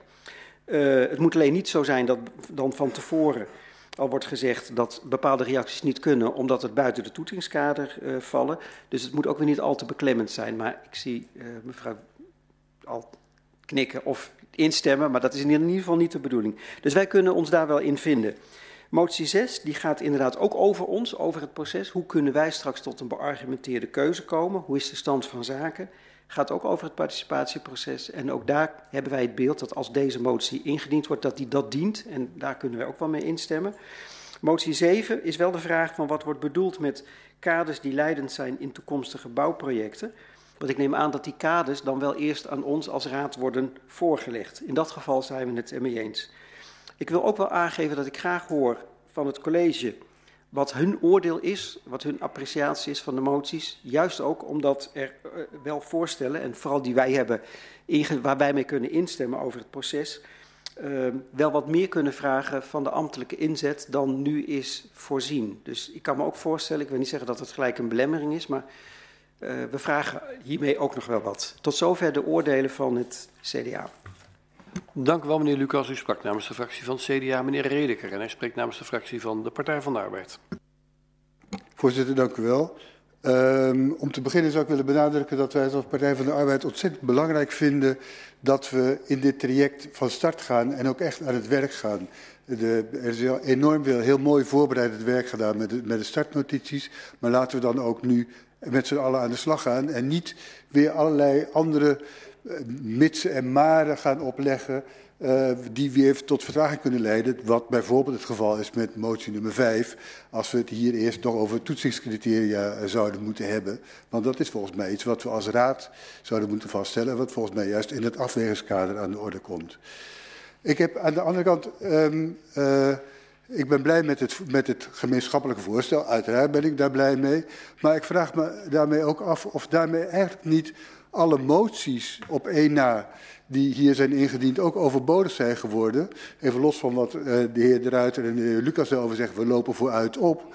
Maar we hebben nou op 30 maart en dat staat in, de, in, het in het voorgestelde besluit, dat alle aspecten die op 30 maart aan de orde zijn geweest, dat die ook meegenomen moeten gaan worden in het participatieproces. En nou ja, volgens mij worden er in de moties geen nieuwe dingen genoemd wat dat betreft. En zijn ze dus, zou ik zeggen, maar dat is niet aan mij dat orde, maar zouden ze niet nodig zijn. Uh, in uitzondering daarop, uh, mevrouw Welsje gaf aan dat ze goed naar haar buurman had geluisterd. Daar ben ik blij om, dat gebeurt niet altijd. Uh, maar um, de, de motie over het proces, daarvan ben ik wel benieuwd naar het oordeel van het, van het college daarover. Uh, om te kijken of, want ik, dat was ook een beetje mijn opmerking naar mevrouw Welsje, volgens mij hoort dat gewoon in het proces, maar of ik daar ook gelijk in heb en dat op die manier ook uitgevoering gegeven zal worden aan die motie. Dank u wel. Dank u wel, meneer Redeker. U sprak namens de fractie van de Partij van de Arbeid. Ik geef het woord aan mevrouw Sterenberg en zij spreekt namens de fractie van de VVD. Ja, dank u wel, uh, voorzitter. Ja, het is dat ik niet de horeca-ondernemer uit onze fractie ben, anders had ik er weer een fles bij gepakt, maar het is nu wel uh, op. Uh, maar allereerst wil ik ook alle collega's van de Raad bedanken voor de ontzettend mooie samenwerking. Volgens mij is dit een heel mooi nou, teken van hoe je de processen ook samen op kan pakken. En nou, misschien dat ik toch een klein flesje mee moet nemen voor het historische moment dat de heer De Ruiter en ik het weer een keer eens zijn in deze zal, uh, want ook de VVD is van mening dat uh, dit eigenlijk niet het moment is voor alle, uh, ja, alle losse moties. Inderdaad, omdat we hebben gezegd van we willen eerst de uitkomsten van de participatie meenemen en dan de politieke afwegingen maken. Dus de VVD zal ook eigenlijk vrijwel alle moties niet steunen. Uh, we zijn wel benieuwd naar de reactie van het college op de motie van D66 over hè, hoe, hoe gaat het proces nou verder en wat kan de raad hierna nou verwachten en wat kan een raad in de toekomst verwachten. Uh, dus daar zijn we wel benieuwd naar de reactie van het college, uh, wat zij daarin te bieden hebben. wat we wel hebben, wat wel, nou ja, wat wel relevant is om over te stemmen vanavond wat de VVD betreft, is het amendement van POS. Uh, het is inderdaad heel terecht uh, gesteld. Wij vragen ons dat ook wel vaak af bij participatie. Kijk, uh, dit is een traject dat gaat echt iedere soester aan. Het is niet over één klein stukje waarvoor je al mensen hebt die per verenigingen verbonden zijn. dit is zo'n grote beweging voor ons dorp. dat wij heel erg benieuwd zijn inderdaad van goh, welk effect zou een brief huis aan huis nou kunnen hebben. Want laten we wel even reëel zijn. Niet iedere soester uh, komt standaard ergens in contact met de gemeente, waardoor je op de hoogte zult zijn uh, van deze processen. Even plat gezegd, als ik dit niet als hobby had, uh, ben ik benieuwd waar, waar ik hè, naast het werken en zo tegen zou komen dat dit speelt. Dus de VVD zou dit ook wel als een mooi experiment zien. Aangezien we nog naar een visie op participatie gaan, die gaan we nog krijgen. Om te kijken van als wij dit hier nu inzetten, welk effect zien we hiervan? Zodat we eigenlijk als we die visie gaan vaststellen, het gesprek als raad kunnen voeren. Is dit ook een uh, nog passend middel of is het inderdaad achterhaald? Uh, maar dat, nou ja, daar zouden wij wel kansen in zien. Dus wij zijn ook wel benieuwd naar hoe het college uh, daar tegenover staat. Tot zover. Dank u wel, mevrouw Sterenbergen sprak namens de fractie van de VVD. Meneer Schotman namens de fractie van POS. Uh, ja, dank u wel, uh, voorzitter. Ik zal beginnen om de, om de vraag van, uh, van de heer De Ruiter uh, meteen maar te beantwoorden. en daarvoor duik ik een klein beetje in, in de marketing. Dat komt hier misschien niet zo heel vaak naar voren. Maar want, om heel duidelijk te stellen, ik had het over huis en huis, maar ik bedoel natuurlijk een brief die vanuit de gemeente bij iedere woning in ieder geval wordt bezorgd. Uh, net als dat u bijvoorbeeld een, een, een, een nou ja, een, de jaarlijkse wat is het, WOZ-beschikking krijgt of de gemeentelijke belastingen. dus alsjeblieft niet een huis-aan-huis blaadje. Um, daarbij, kijk, als je kijkt naar abris bijvoorbeeld met een QR-code langs de weg dan uh, moet ik dat vergelijken met als je, je hebt een marketing funnel. Heb je awareness, uh, consideration, hè, dus je gaat het overwegen als je dieper de funnel ingaat. En onderaan in de funnel, dan ga je converteren, dan ga je kopen of je gaat iets doen. En wat mij betreft zit een abri langs de weg is een beetje hetzelfde als een verkiezingsbord langs de weg. Ik weet nog wel, toen de omgevingsvisie er was, had je windmolens op de eng. Nou, we weten ondertussen, daar komen ze niet. Maar goed, dat is een awareness ding. Dus de, de, de, er is, uh, je wordt op de hoge, je, wordt getriggerd. Maar dat zet je nog niet aan tot actie. En wat, uh, wat, nou ja, wat de fractie van Post betreft in ieder geval, is die brief die jij thuis ontvangt met daarin ook een hele duidelijke oproep. Het liefst ook een QR-code erin dat je meteen kunt zeggen, oh ik ga dit even invullen. Dat is dat laatste stukje in die funnel. Uh, om die uh, inwoner uh, aan te zetten tot participatie, tot deelname. En daarnaast, er is ook in tijdens de omgevingsvisie, de participatie, hebben wij ook nadien best wel vaak gehoord van inwoners. Wij wisten van niks, we hebben dit niet gehoord. En vandaar dat wij toch, we vinden alle nieuwe communicatiestrategieën digitaal is allemaal fantastisch. Maar niet iedereen zit op social media, niet iedereen kijkt op de website van de gemeente. Lang niet iedereen kijkt op de website van de gemeente, helaas. Um, dus vandaar dat dit middel, wat ons betreft, een goede toevoeging is. Nou, ik hoop dat ik uw vraag daarmee heb beantwoord. Um, en uh, wat ik heb begrepen, uh, had ik ook meegestuurd met amendement, zat dat dus niet standaard in het ter beschikbaar of in het gevraagde budget. En hebben dat daarom via dit amendement extra moeten we dit aanvragen om dit te doen. Nou, dan mijn eigenlijke verhaal. Dank u wel, voorzitter. De fractie van POS is tevreden uh, over het nu voorliggende gewijzigde raadsvoorstel. En we vinden het verstandig om ons vanuit de raad voor nu te beperken tot het toekennen van de benodigde budgetten. Om te starten met de uitwerking van de omgevingsprogramma's en het daaraan verbonden participatietraject. Om ons in een later stadium dit jaar uit te spreken over het dan opgestelde wegingschade. Maar laat de participatie nu eerst haar werk doen. Voor POS is participatie en het betrekken van inwoners en het echt luisteren naar onze inwoners de belangrijkste kernwaarde van onze partij. Wij zullen de uitwerking van het participatietraject en hoe u de resultaten hiervan meeneemt in de verdere uitwerking van de omgevingsprogramma's, dan ook met meer dan gemiddelde interesse en, wij durven het best te zeggen, kritisch volgen. Uiteraard zullen we daarbij ook kijken hoe u de door de raadsfracties meegegeven aandachtspunten in de participatie meeneemt. Althans, in ieder geval de aandachtspunten van POS. Dan de ingediende moties. Ja, hoewel POS een aantal van de ingediende moties sympathiek vindt en deze in principe op de steun van POS zouden kunnen rekenen, willen wij de participatie in dit stadium zo min mogelijk beperken of verder kaderen. Om die reden zullen wij op dit moment inhoudelijke moties dan ook niet uh, steunen. Um, ik zeg inhoudelijke moties. Uh, de betreffende moties kunnen wat post betreft later dit jaar, indien nog relevant, bij de behandeling van het wegingskader aan de Raad alsnog voorgelegd worden.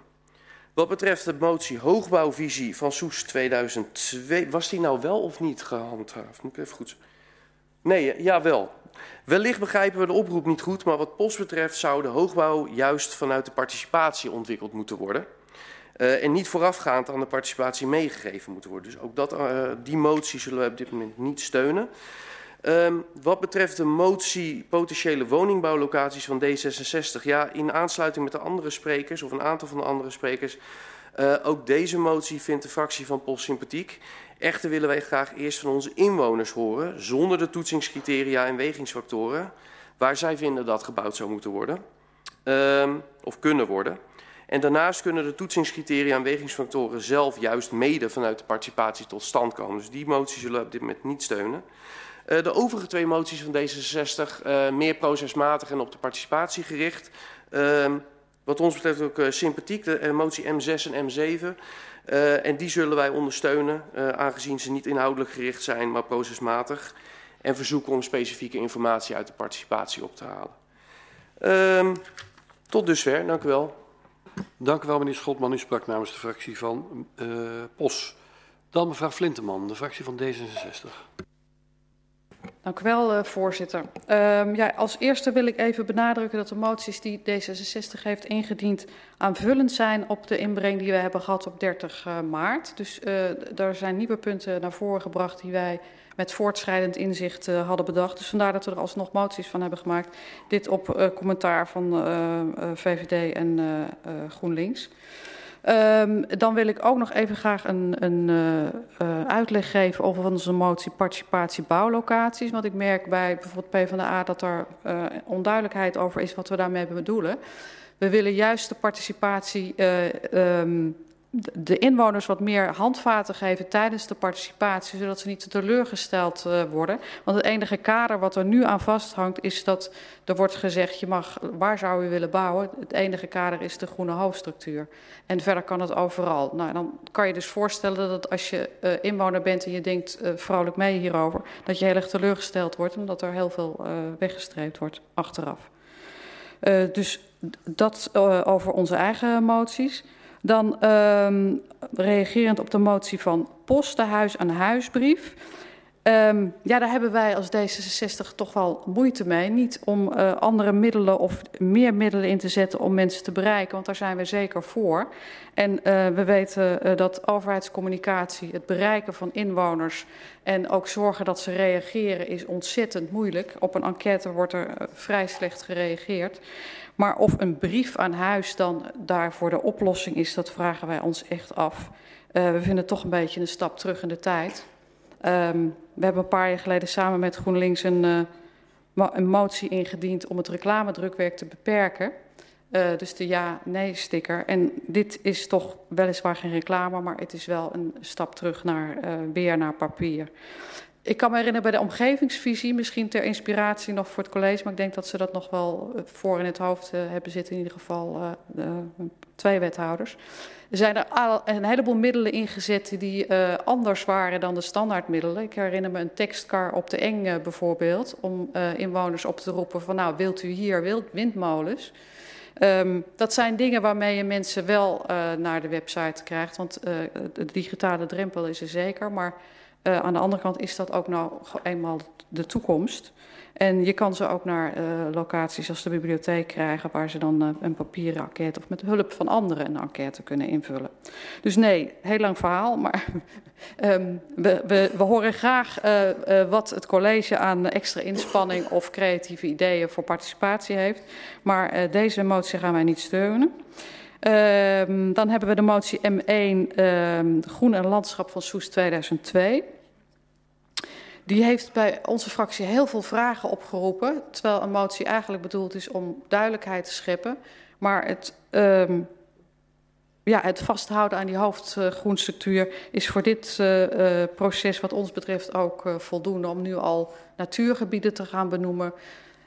Ja, wat is dan natuur en wat niet? En waarom dit wel en waarom die andere niet? Laat eerst de participatie maar daar in zijn werk doen. Um, stomp was uh, ingetrokken. Dan hebben we de typologie woningen, motie M3. Nou, daar kan ik me aansluiten bij uh, mijn voorgangers, uh, onder andere de heer Lucas, die, dat wij ook zeggen van ja, het, het, laat hier ook door inwoners maar het woord doen. Want ik kan me best voorstellen dat er wijken zijn waarvan je zegt juist eenvormige woningen, seniorenwoningen vlakbij voorzieningen.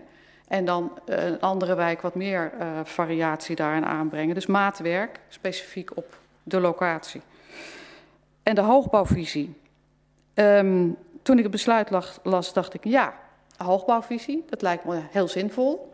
Um, maar daarboven staat in het oordeel, het moet duidelijk zijn voor de participanten waar en hoe hoog in hun wijk gebouwd wordt. En toen raakte ik, meneer Lucas ook, nou, ik raakte de kluts kwijt en ik denk, hoe kan je de participatie ingaan als de participanten van tevoren al moeten gaan bepalen waar zij willen dat er gebouwd wordt en hoe hoog dan en wat is hoog? Want daar gaat een hoogbouwvisie over. Wat is hoog in relatie tot, tenminste wat D66 betreft, in de relatie met het groene en dorpse karakter.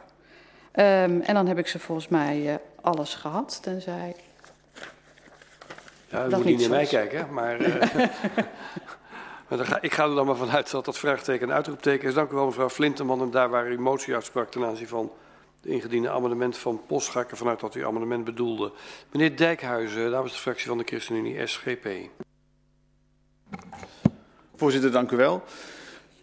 Ja, wij hebben, uh, we zijn blij met, uh, met het voorstel wat nu voor ons ligt. En, ik moet denken aan de eerste avond waarin we hier heel veel uh, zeer enthousiaste ambtenaren heel passievol vertelden over de verschillende onderwerpen. En daar hebben we heel erg van genoten. Ik, ik zie ze hier zitten en we willen u bedanken voor, de, voor, de, voor de wijze waarop u heeft gepoogd om een, een mooi stuk aan, aan startnotities te produceren.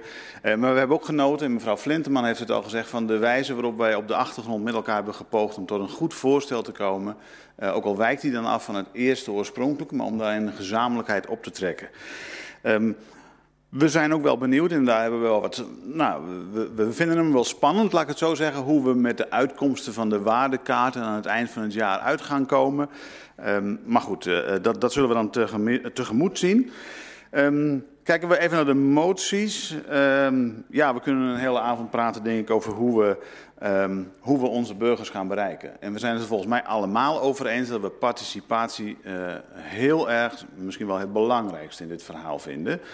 Um, en ja, moet je dat dan middels een brief doen, een uh, huis aan huis? wij, ja, wij vinden het nog niet eens zo'n gek idee, laat ik het zo zeggen.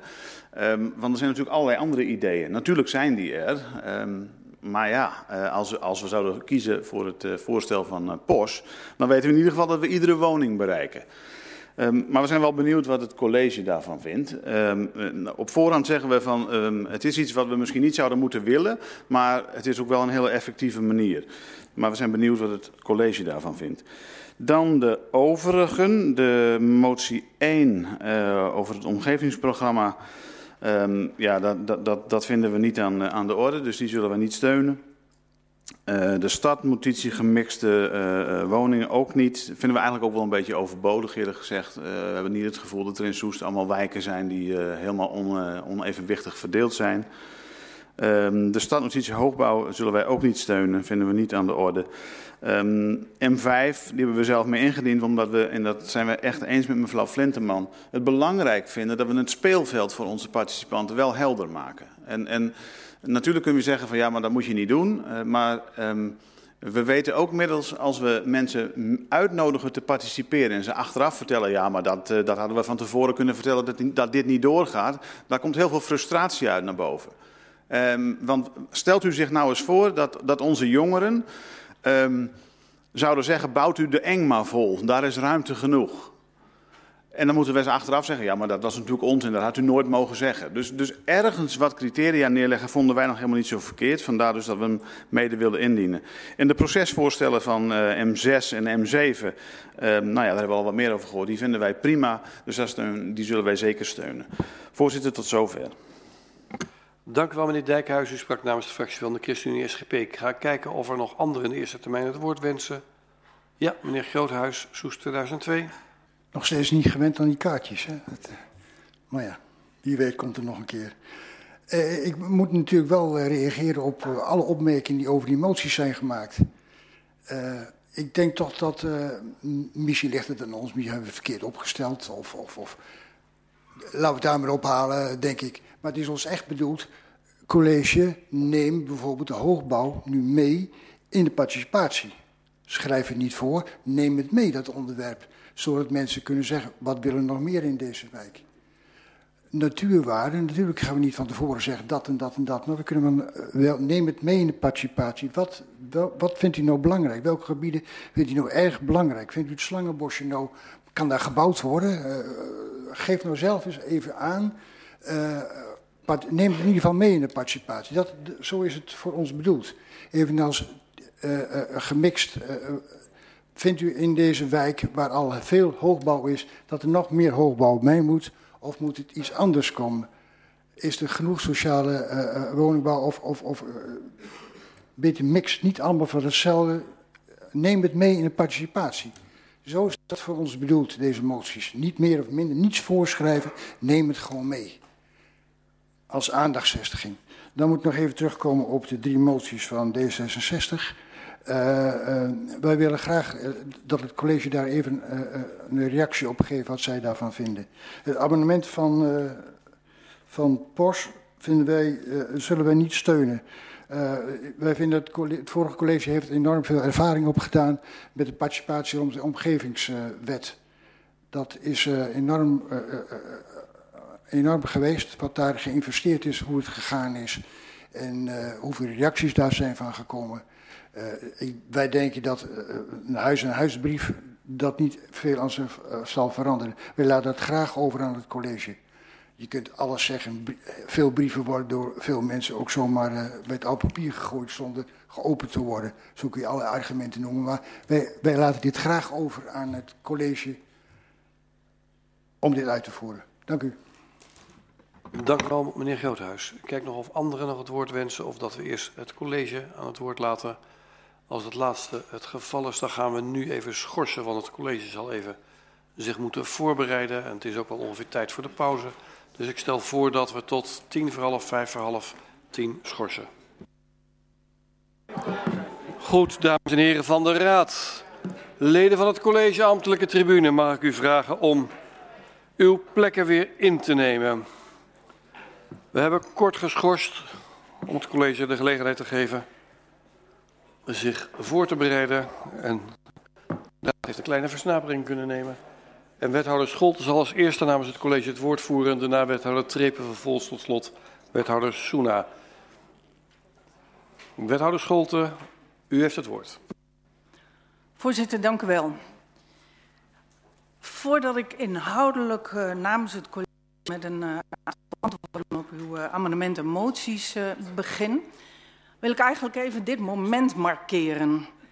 En dat ontstond eigenlijk nadat mevrouw Flinterman heel duidelijk het nieuwe voorliggende raadsbesluit had toegelicht en hoe dat tot stand gekomen is. En als je ziet wat een enorme worsteling, wat een enorme partij werk, wat een enorme partij denkwerk deze startnotities en uiteindelijk hetgeen hier nu ligt aan een raadsbesluit zijn geweest, dan rest ons als college eigenlijk alleen maar heel veel dank naar u uit te spreken. Want u heeft een aantal momenten gepakt.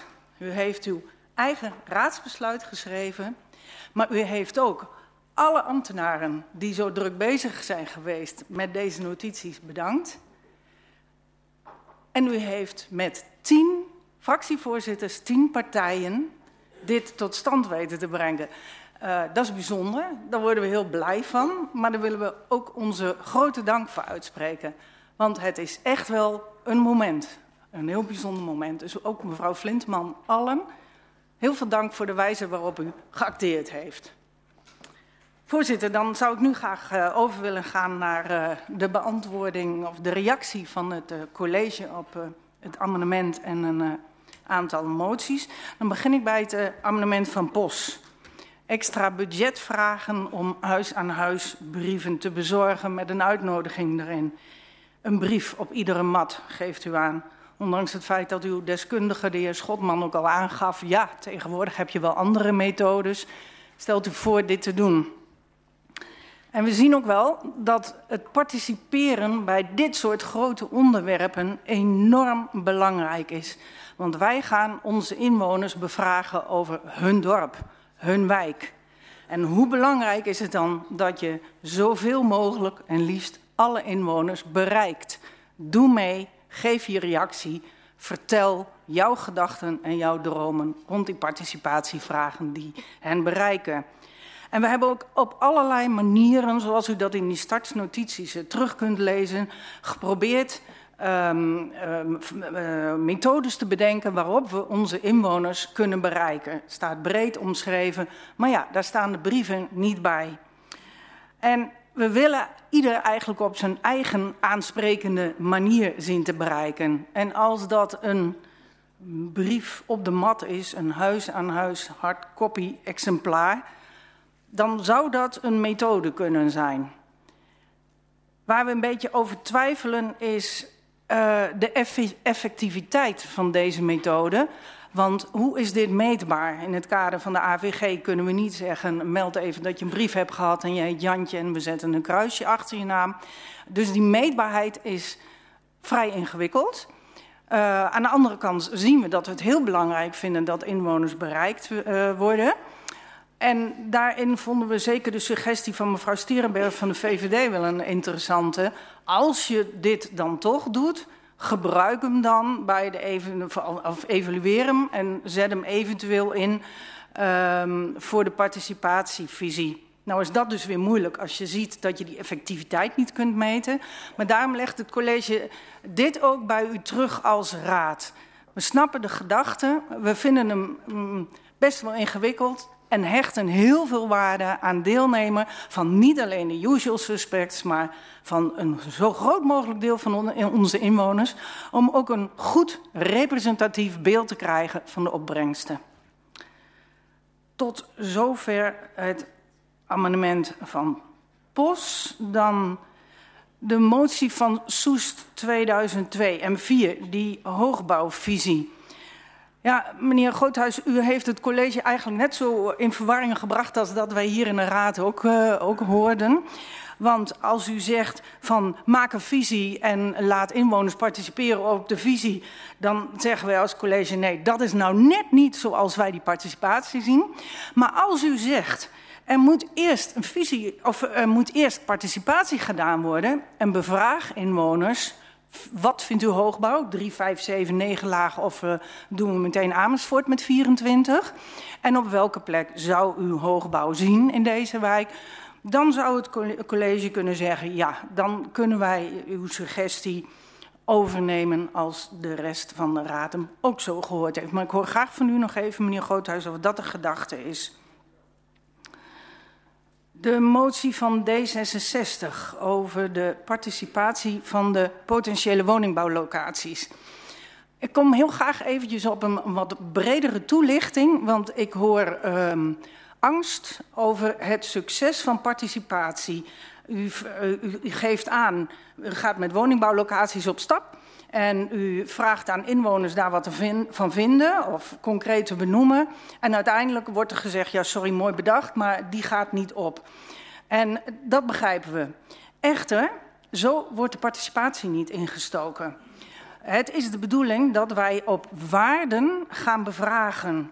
Wat heeft voor u een hogere waarde? Dus wij komen niet met concrete woningbouwlocaties en wij vragen ook niet naar concrete woningbouwlocaties. Wij hebben het namelijk over de kwaliteit van ons dorp. En er zijn delen waar een kwaliteit is die mogelijk bebouwing toe zou laten. En er zijn delen waar een kwaliteit is waar dat absoluut niet kan. Maar die kwaliteit die brengt ook weer wegingsfactoren met zich mee. En uiteindelijk bent u degene die die wegingsfactoren, waarover u mag, of sorry, die afwegingskaders mag vaststellen. En dan pas kun je een slag verder gaan met elkaar. Dus er wordt niet bevraagd op locaties. U vraagt ook een procesbeschrijving om de omgevingsvisie. Ik moest even een beetje het, samenvatten op, op een scholte manier om het wat, wat makkelijker voor mezelf uitlegbaar te maken. Het was het wie, wanneer, wat, als ik het goed uh, samenvat. En dat zijn allemaal vragen over de processen rond de omgevingswet en hoe wij met elkaar omgaan met die wet. Het college raadt u aan om deze motie aan te houden. Dat is best wel een beetje raar, dat kan ik me voorstellen. Ik zie u al kijken.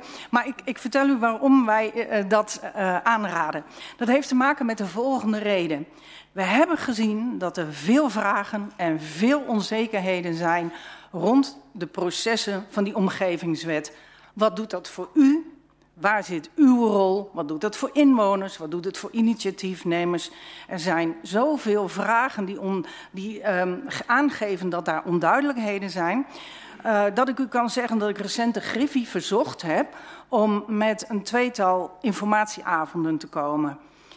En als de agendacommissie de eerste accordeert, dan zou dat kunnen zijn dat wij op 15 juni met elkaar in gesprek gaan over die omgevingswet. Dan krijgt u alle vragen, of kunt u alle vragen beantwoorden. En ik beantwoord krijgen, sorry, ik zit twee regels tegelijk te lezen. Waarop u dus volop in de gelegenheid gesteld wordt om alles te horen rond de processen over uw rol en wanneer u als raad aan zet bent.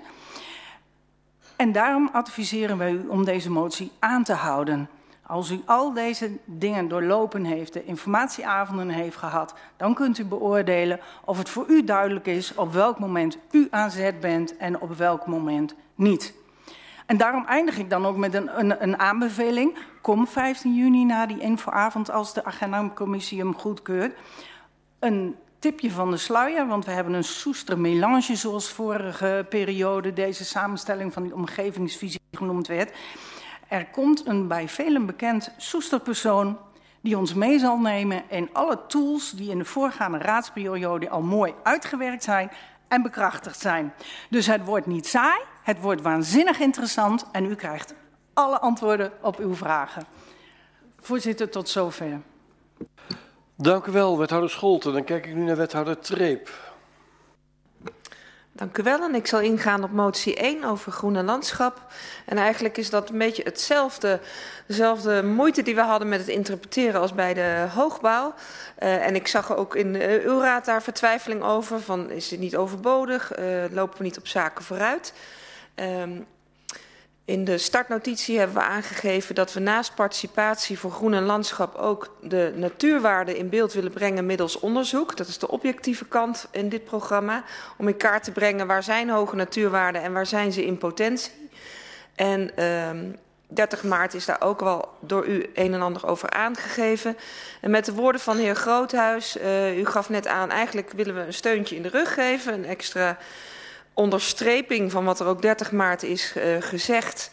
En uh, als ik die mag interpreteren, dat vooral voor u goed in kaart te brengen, zodat de weging later tussen de programma's goed in beeld kan worden gebracht en u daar keuzes over kan maken, uh, dan kan ik hem omarmen en overnemen. En ik hoor graag van u of u daar ook zo die intentie mee had. Als u dat nog een keer kunt bevestigen, heel graag.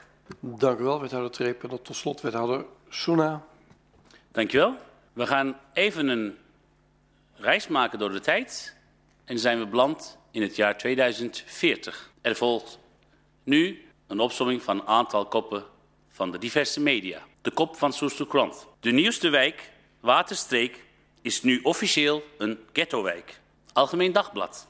Waterstreek is veranderd in Vandalenstreek. RTV Utrecht, de politie durft niet in ghettowijk in Soest komen. Gooi Neemlander besteedt hier geen aandacht aan, want zij zijn bezig met de vijftiende winst van Max Verstappen. Bij Radio Eemland 1 zit een oud raadslid van Partij van de Arbeid in gesprek met onze senior Jean Heil.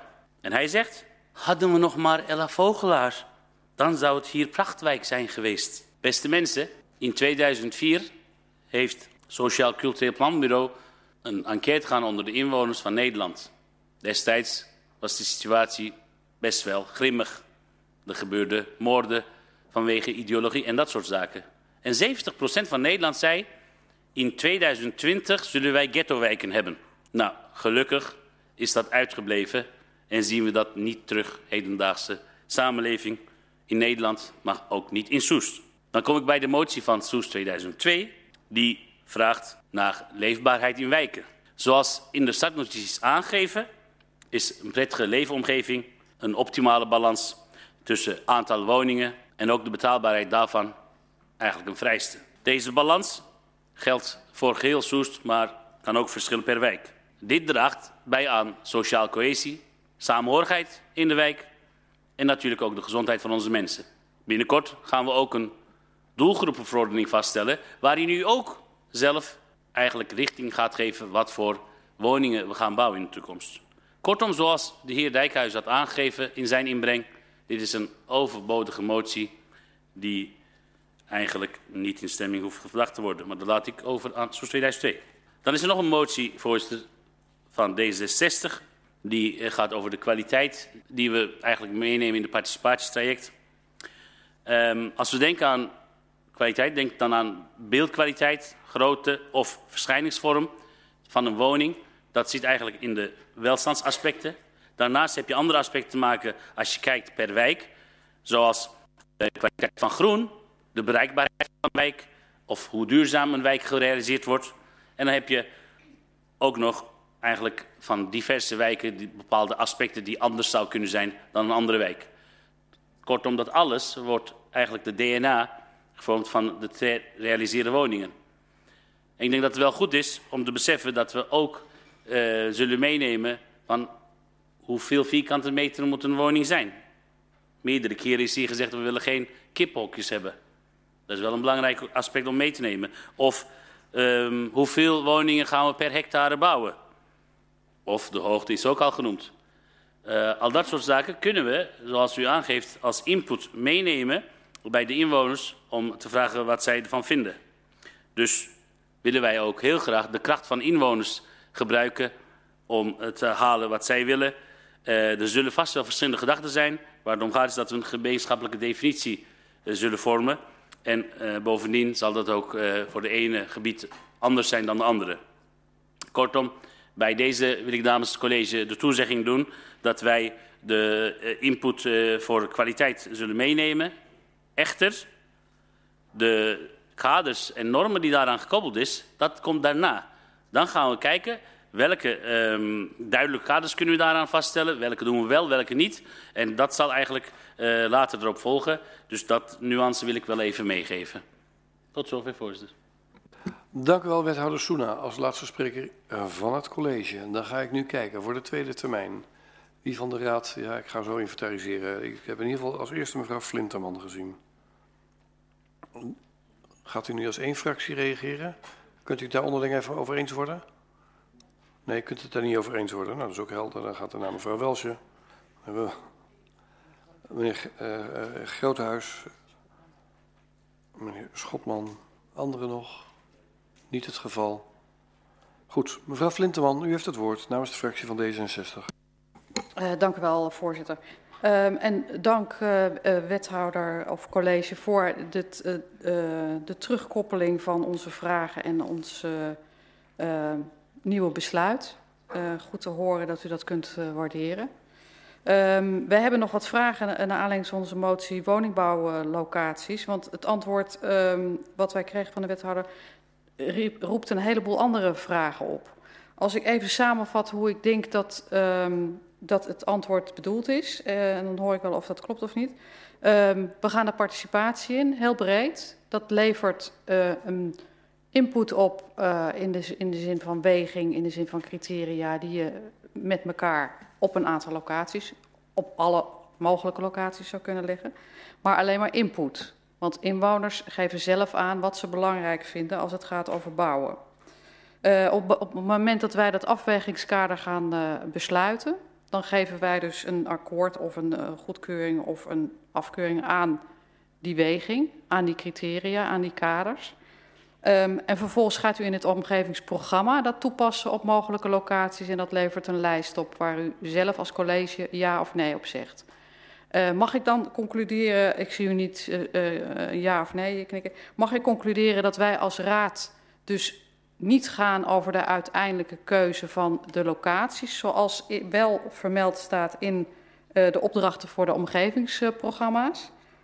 Um, en dan wil ik ook nog even benadrukken dat wel in de startnotitie uh, staat um, dat uh, um, het uitgangspunt is geen kaders behalve de groene hoofdstructuur.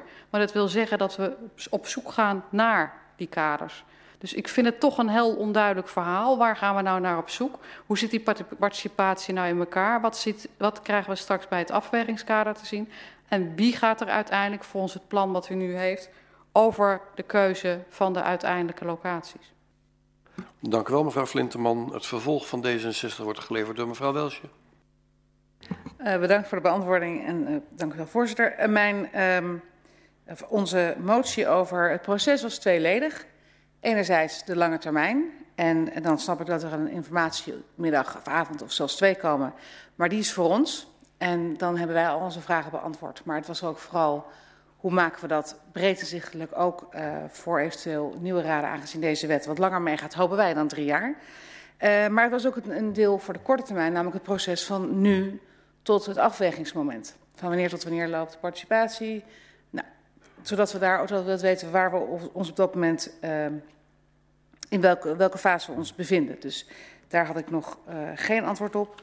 En dan ga ik me nog beraden over het wel of niet uh, aanhouden van het eerste deel. Dank u wel. Dank u wel, mevrouw Welsje, D66. Meneer Groothuis, Soes 2002. Dank u, voorzitter. Uh, bedankt voor de antwoorden uh, van het college over de door ons gediende in moties. Uh, ja, uh, het college gaf even de vraag over de hoogbouw. Ja, onze bedoeling is hoogbouw, neem dat mee in de participatie. Niet meer dan dat. Dus als dat ook door het college wordt overgenomen, dan brengen we deze motie niet in stemming. Ik zat even niet op te letten. Ja, maar je hebt interruptie, voorzitter. Kan meneer Groothuis iets nader toelichten wat hij bedoelt met neem het mee in de participatie? Ik neem wel eens wat mee uit een winkel, maar wat is meenemen in de participatie? Meenemen Niet zonder betalen, hoop ik. Meneer meenemen, meenemen in de participatie, dat wordt gesproken over. Als je de wijk ingaat, wat vindt u van hoogbouw? Dat is meenemen. Niet dat dat onderwerp blijft liggen. Zo, daar hebben we het niet over. Nee, we hebben het er wel over. Dat is onze intentie. Praat erover met, uh, mensen. Dan eventjes Bent over... u tevreden dus met de lezing van het college? Ja, ik ben uh, tevreden ook, dus okay. ik breng me niet in, uh, in stemming. Uh, dus, waar wij ook tevreden zijn met het antwoord van over de natuurwaarde. het college omarmt onze motie, dus ja, dan is het maar één ding over, breng niet in stemming. dan eventjes de laatste over hoe een wijk eruit moet zien. Ja, nou, u begon er zelf al over, hoe, hoe desastreus het voor een bepaalde wijk uit kan pakken als het eenvormig allemaal is. Dus u vindt maar zelfs overbodig. Dus ik neem aan dat u deze motie eigenlijk in de praktijk al uitvoert of gaat uitvoeren. Dus dan is het ook uh, overbodig en ik ben blij dat u uh, dezelfde gedachten deelt als ons. Dank u. Dank u wel, meneer Groothuis, Soes 2002. Meneer Schotman, de fractie van POS. Ja, dank u wel, voorzitter. Uh, dank u wel, college, voor de beantwoording van de vragen. Uh, ja, ik vond het eigenlijk heel leuk wat u zei over de brief en dat dat het wat betreft het amendement uh, voor de huis-en-huisbrief. Ik ga het niet meer een huis-en-huisbrief noemen, gewoon een brief vanuit de gemeente. Uh, ja, wat ik heel interessant, u zei van ja, we kunnen dat slecht meten. En dan, uh, uh, kijk, eigenlijk is het juist uitermate goed meetbaar. als je in die brief een QR-code opneemt, en dan ga ik iets technisch zeggen, met een UTM-code erin. Uw communicatieadviseurs kunnen dat zeker weten, u daar meer over vertellen. Dan is uitstekend meetbaar tot exact hoe vaak daarop geklikt is hoe goed het is gebruikt. Het zou juist een heel mooi proef, uh, proefproject kunnen zijn om, om het hier in, deze, in dit belangrijk participatietraject te gebruiken. Uh, u kunt ook een aparte URL, link dus, in de brief opnemen die dan ook weer meetbaar is. Dus ik denk dat het juist een uitstekende combinatie is van allerlei verschillende communicatiestrategieën, deels digitaal en um, nou ja, deels dus fysiek, die uitstekend meetbaar zijn. Daarbij heb ik nog wel een aanvullende vraag. Uh, er zijn inwoners die hebben aangegeven uh, hun post digitaal te willen ontvangen. En daarmee probeer ik dan ook een beetje de kritiek van, uh, van D66 te ondervangen. Als ik als inwoner heb aangegeven dat ik mijn post van overheidsinstanties digitaal wil ontvangen via de digitale berichtenbox. is het dan ook zo in dit geval dat wanneer de gemeente deze brief zal sturen, brief, dit, dit schrijven, dat dat digitaal terechtkomt bij die inwoners. Want dan hebben we eigenlijk het, uh, het beste van beide werelden. Uh, tot dusver, dank u wel. Dank u wel, meneer Schotman. Namens de fractie van POS zijn er nog anderen voor deze termijn? Ik denk dat het college behoefte heeft aan een kort, uh, korte schorsing om even ruggespraak te voeren. Ja, dat heb ik goed ingeschat. Uh, kort, goede vijf minuten. Ja? Ik schors deze bijeenkomst tot tien minuten, tien uur.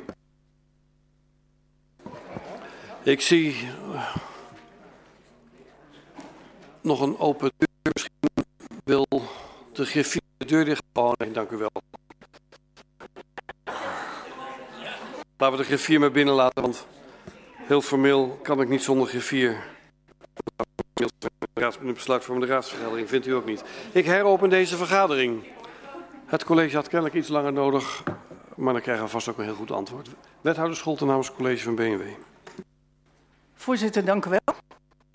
Om te beginnen voor de aanvulling. Ik wil alleen maar danken voor de expertise. Het overviel mij, maar er zijn experts in de zaal. Um, dus dank daarvoor, die nemen we mee. Voor de rest leggen we de motie terug. Het, het amendement terug in de, in de raad. Uh, zodat u daar met elkaar uh, een mening over kunt vormen. Dan wat betreft D66. De vragen, vraag 2 over het proces. Die staat in de startnotities heel duidelijk omschreven. Het korte termijnproces, lange termijnproces heb ik u aangegeven. In de startnotities staat het korte termijnproces heel duidelijk omschreven. En dan zie ik dat ik nog duidelijker moet zijn dan dat ik in die eerste beantwoording deed rond die uh, woningbouwlocaties. Dus ik vul, ik, vul mezelf aan ter verduidelijking op uw uh, tweede vraag ook.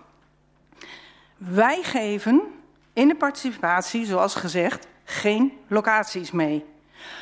De inwoners mogen wel locaties inbrengen. Maar daarnaast worden in de participatie de inwoners bevraagd op kwaliteitsaspecten die betrekking hebben, zoals in de programma's natuur en water ook aan de orde komen. De uitkomsten van die participatie en de waardekaart leiden tot een afwegingskader. Dat wordt weer voorgelegd aan uw raad. Vervolgens komt daar een lijst met locaties. waarbij het college de afweging maakt aan de hand van wat u voorgesteld hebt met die afwegingskaders. En die lijst gaat ter info naar de raad. En mocht dan iets weer uh, leiden tot een wijziging van het omgevingsplan, dan komen we ook weer bij uw raad. Voorzitter, tot zover. Dank u wel, wethouder Scholten. Ik denk dat dat de enige was die overbleef, als ik het goed heb. Dan ga ik nu kijken of uw raad met deze vragen en de, eh, de beantwoording van de vragen van de tweede termijn van de raad genoegen kan nemen. Ten aanzien van de manier of de moties wel of niet gehandhaafd blijven. En dan kijk ik uh, vooral naar D66 en dan kom ik daarna nog terug. Mevrouw Flinterman. Mag ik nog een verduidelijkende vraag aan de wethouder? Maar als u naar spreekgestoelte loopt, anders niet. Uh, uh, dank u wel voor de beantwoording. Het was een stuk uh, duidelijker dan de, de, de, eerste beantwoording. Um, als ik het goed begrijp, is het dus zo dat wij als raad niet meer gaan over de keuze van de potentiële woningbouwlocaties. Die, dat is een lijst die voortkomt uit het afwegingskader. Het college besluit of die lijst, wat er van die lijst gekozen wordt om wel of niet te bouwen. Um, de lijst wordt wel aan ons voorgelegd ter info. En dan vraag ik me af, wat vindt u zelf als college dat als het gaat om het nou, misschien wel belangrijkste onderwerp wat bij de verkiezingen vorig jaar, hè, waar gaan we wel of niet bouwen? U heeft daar met uw uh, conculega's inmiddels van GGS uh, behoorlijk uh, over gedebatteerd. Wat vindt u als college dat dit soort beslissingen niet hier in deze arena in de raad in transparantie voor de inwoners worden besloten met alle afwegingen die daarbij horen, hier wel of hier niet. Maar dat u dat um, als college in uw eigen uh, beslotenheid doet, dat is één. En twee vraag ik me af, hoe kan het dat in, het, in de opdracht voor omgevingsprogramma staat dat met de argumenten en de analyse, beoordeling en advies stelt de raad mogelijke locaties vast of richtingen die verder uitgewerkt worden. Volgens uw uh, redenatie gaat u dus eigenlijk in tegen het uh, advies zoals het in, het in de omgevingsvisie staat. En zouden we dus bij voorbaat dit al door de raad moeten laten besluiten? We gaan toch nog even schorsen, want volgens mij heeft de wethouder u wel duidelijk beantwoord, maar gaat u, maakt u een zijpad. Maar via het zijpad kan je wel weer op het hoofdpad komen. Dus ik ga weer kort met schorsen, zodat de wethouder zich nog duidelijker kan laten souffleren. Ik dacht dat ik het antwoord in ieder geval op het eerste gedeelte van uw vraag heb ik heel helder gehoord. Het tweede gedeelte van uw vraag niet. Goed, dames en heren. Waar een eenvoudige vraag toe kan leiden. Wethouder Scholten. U heeft het woord. Want het makkelijker kunnen we het niet maken. En soms ook niet leuker. Dank u wel, voorzitter. U geeft aan dat u zegt, of u zegt, zo, wij hebben niet zoveel meer te zeggen. Het college gaat in alle beslotenheid tot keuzes komen. Ik kan u helpen. Want de afwegingskaders die u vaststelt als raad, moet het college langs mogelijke locaties leggen. Dat betekent dat u dingen meegeeft wat kan, wat u wilt, en die moeten wij gebruiken in het, in het leggen langs een locatie. En vervolgens, mocht die locatie dus van het omgevingsplan afwijken, dan komen we weer bij u terug als raad. Dus u geeft het belangrijkste instrument mee aan het college, de afwegingskaders. En daar moeten keuzes aan voldoen. Dank voorzitter. Makkelijker kunnen niet maken. Pionieren met een nieuwe wet. uiteindelijk kan je het altijd repareren, zeg ik er maar bij. Goed, ik denk dat we nou genoeg termijnen gehad hebben. Nou moet u natuurlijk nadenken wat u ermee doet. Want daar bent u voor besteld. Um, heeft u behoefte om daar nog over na te denken? Kort moment. Hoeft voor mij niet, maar u wilt schorsen. Ja, dat, dat, deed ik de uitdaging voor. U gaat even schorsen, even met elkaar overleggen. Goed. Vijf? Ongeveer? Tien. Half elf gaan we verder. Ik schors de vergadering. Ja. Um, even voor de duidelijkheid, wie er hierover mee wil praten, die is wel... Goed, dames en heren van de Raad, zou ik mevrouw de Beek Suikermaak mogen vragen om een zwengel aan de deur te geven. Oh nee, dat doet mevrouw Flinteman al voor mij, dank u zeer. raadsleden oproepen om weer te gaan zitten. Ik heropen de vergadering. Laat ik die hamer weer eens gebruiken. Mevrouw Flinteman, u heeft de schorsing aangevraagd. U krijgt het woord. Dank u wel, uh, voorzitter. Um, ja, het, uh, we hebben een uh, discussie over de motie gehad en vooral over het, de regels en de wet, omgevingswet. Wat kan er nou wel, wat kan er nou niet? Daar blijkt toch heel veel onduidelijkheid over te zijn. Zowel bij het antwoord dat we van het college hebben gehad, als wat er daadwerkelijk ook in de omgevingsvisie staat, wat daar tegenstrijdig mee lijkt te zijn. Uh, en de conclusie is dat we um, in ieder geval, um, nou ja, de vraag is al, als we hem uh, nu niet in stemming brengen, of het, eerste beslispunt roept het college op de toetsingscriteria vast te stellen en wegingsfactoren vooraf mee te geven, of dat nog relevant is straks voor het participatieproces. Uh, punt 2 willen we wel graag laten staan, maar de motie als geheel willen we aanhouden. Met uh, de boodschap voor met name de raad, maar ook voor het college, dat wij de komende maanden willen proberen om via de informatiesessies die er nog gaan komen uit te zoeken wat er nou wel en wat er nou niet kan. Um, en dat als daaruit zou blijken dat beslispunt 2 alsnog tot de mogelijkheden behoort, dat we hem alsnog bij eventueel aan het eind van het jaar bij het afwegingskader kunnen. Ja, ik zat te kijken. Nee, helemaal fijn. Uh, blijft u even staan, want ik probeer de administratie ook goed te krijgen, want we zijn met de termijnen nu wel klaar. Uh, motie 5, uh, eh, dat ging over de toetsingscriteria en van de, die houdt u aan? Of brengt u die in stemming? Ik loop gewoon motie 5, 6 en 7. Motie 5 houden we aan. Die houdt u aan, oké. Okay. motie 6 ook aanhouden, denk ik. Welke is, ik heb het niet bij me, welke is 6? Dat is ook procesmotie, ja? Ook en dan uh, en de kwaliteit van de nieuwbouw. Die, die heeft het college overgenomen. In, die brengen we in stemming. Oké, okay, want het college had hem overgenomen, maar hij mag hem. Oh nee, wacht even. Het college heeft is hem voldoende beantwoord. Ja, nee, is goed. Ik ben één fractie. Ik ken dat met het college, die spreekt ook altijd met één mond, maar soms met verschillend geluid. Ja. Dus um, alle drie de moties van D66 houdt u aan. Uh, nee, twee houdt u aan, de derde is overgenomen. Ja. Dan heb ik goed begrepen. Nu kijk ik eventjes, en kan u gaan zitten naar de heer Groothuis. Die heeft alle moties uh, toegelicht en is tevreden met de beantwoording van het college. Uh, dus die hoeven ook niet in stemming te worden gebracht. En dan ga ik kijken naar de fractie van Posten bij de monden van de heer Schotman. Die brengt u in stemming? Oh, u wilt even schorsen? Ja, natuurlijk, dat kan. ik schors deze vergadering. Dames en heren, we zaten nog even een beetje met de techniek. En voor de, de volhardende kijker thuis, uh, er lag een abonnement voor van POS. En ja, die gingen natuurlijk ondertussen in de, in de pauze al in de vorige schorsing even shoppen. Maar ja, een aantal, spelers waren weg, dus ze gingen nog weer opnieuw. Uh, daar was deze schorsing voor en ze gaan ons nu vertellen wat het opgeleverd heeft. En ondertussen wordt hier naast gewerkt, naast mij en achter mij om straks ook in beeld te krijgen. Maar meneer Schotman, gaat u ons even meenemen, want u had de schorsing aangevraagd. U heeft het woord. Uh, ja, dank u wel, uh, voorzitter. Uh, ja, de tekst is er niet korter op geworden, helaas. Uh, maar uh, daarmee doet het wel beter recht aan wat we denk ik, of tenminste wat velen van ons beogen te bereiken. En ook waar de, wat de wethouder aangaf, sorry, het college aangaf. Uh, dus ik zal zo meteen het nieuwe, uh, wat is het, het nieuwe uh, dictum uh, oplezen. In ieder geval is nu gespecificeerd ehm, nou ja, dat we in ieder geval eerst onderzoeken of het kan. Waarvan ik denk dat het kan. En ehm, als het kan, om dan het beschikbare budget ter beschikking te, te stellen. Ik ga het gewoon voorlezen. Ehm, wij verzoeken het besluit als volgt aan te vullen.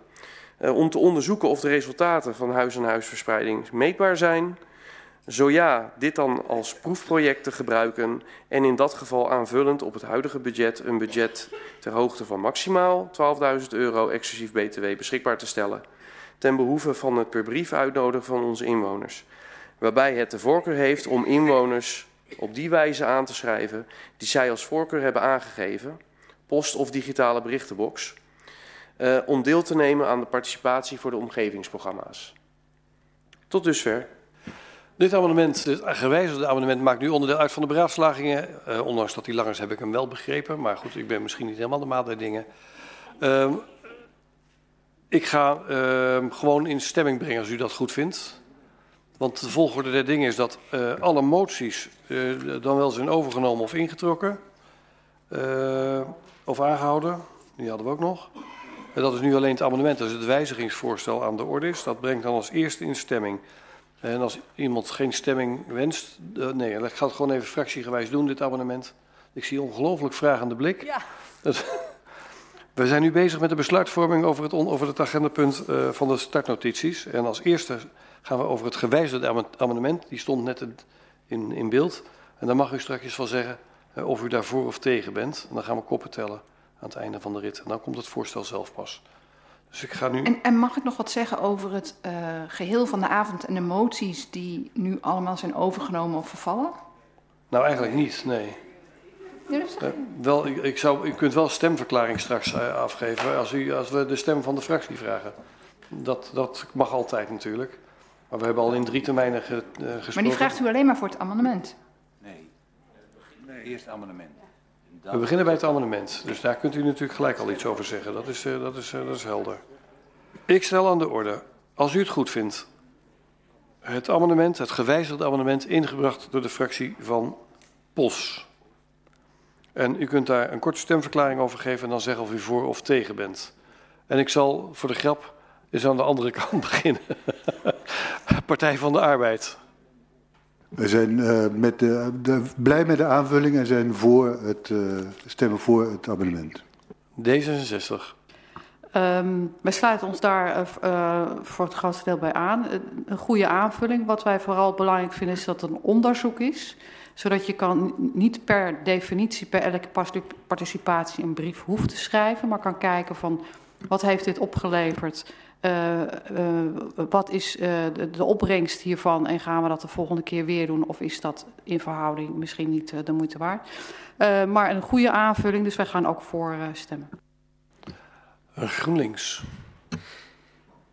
Ja, voorzitter, wij zijn minder blij met de aanvulling. Het maakt het allemaal veel complexer. Stuur gewoon een briefje voor.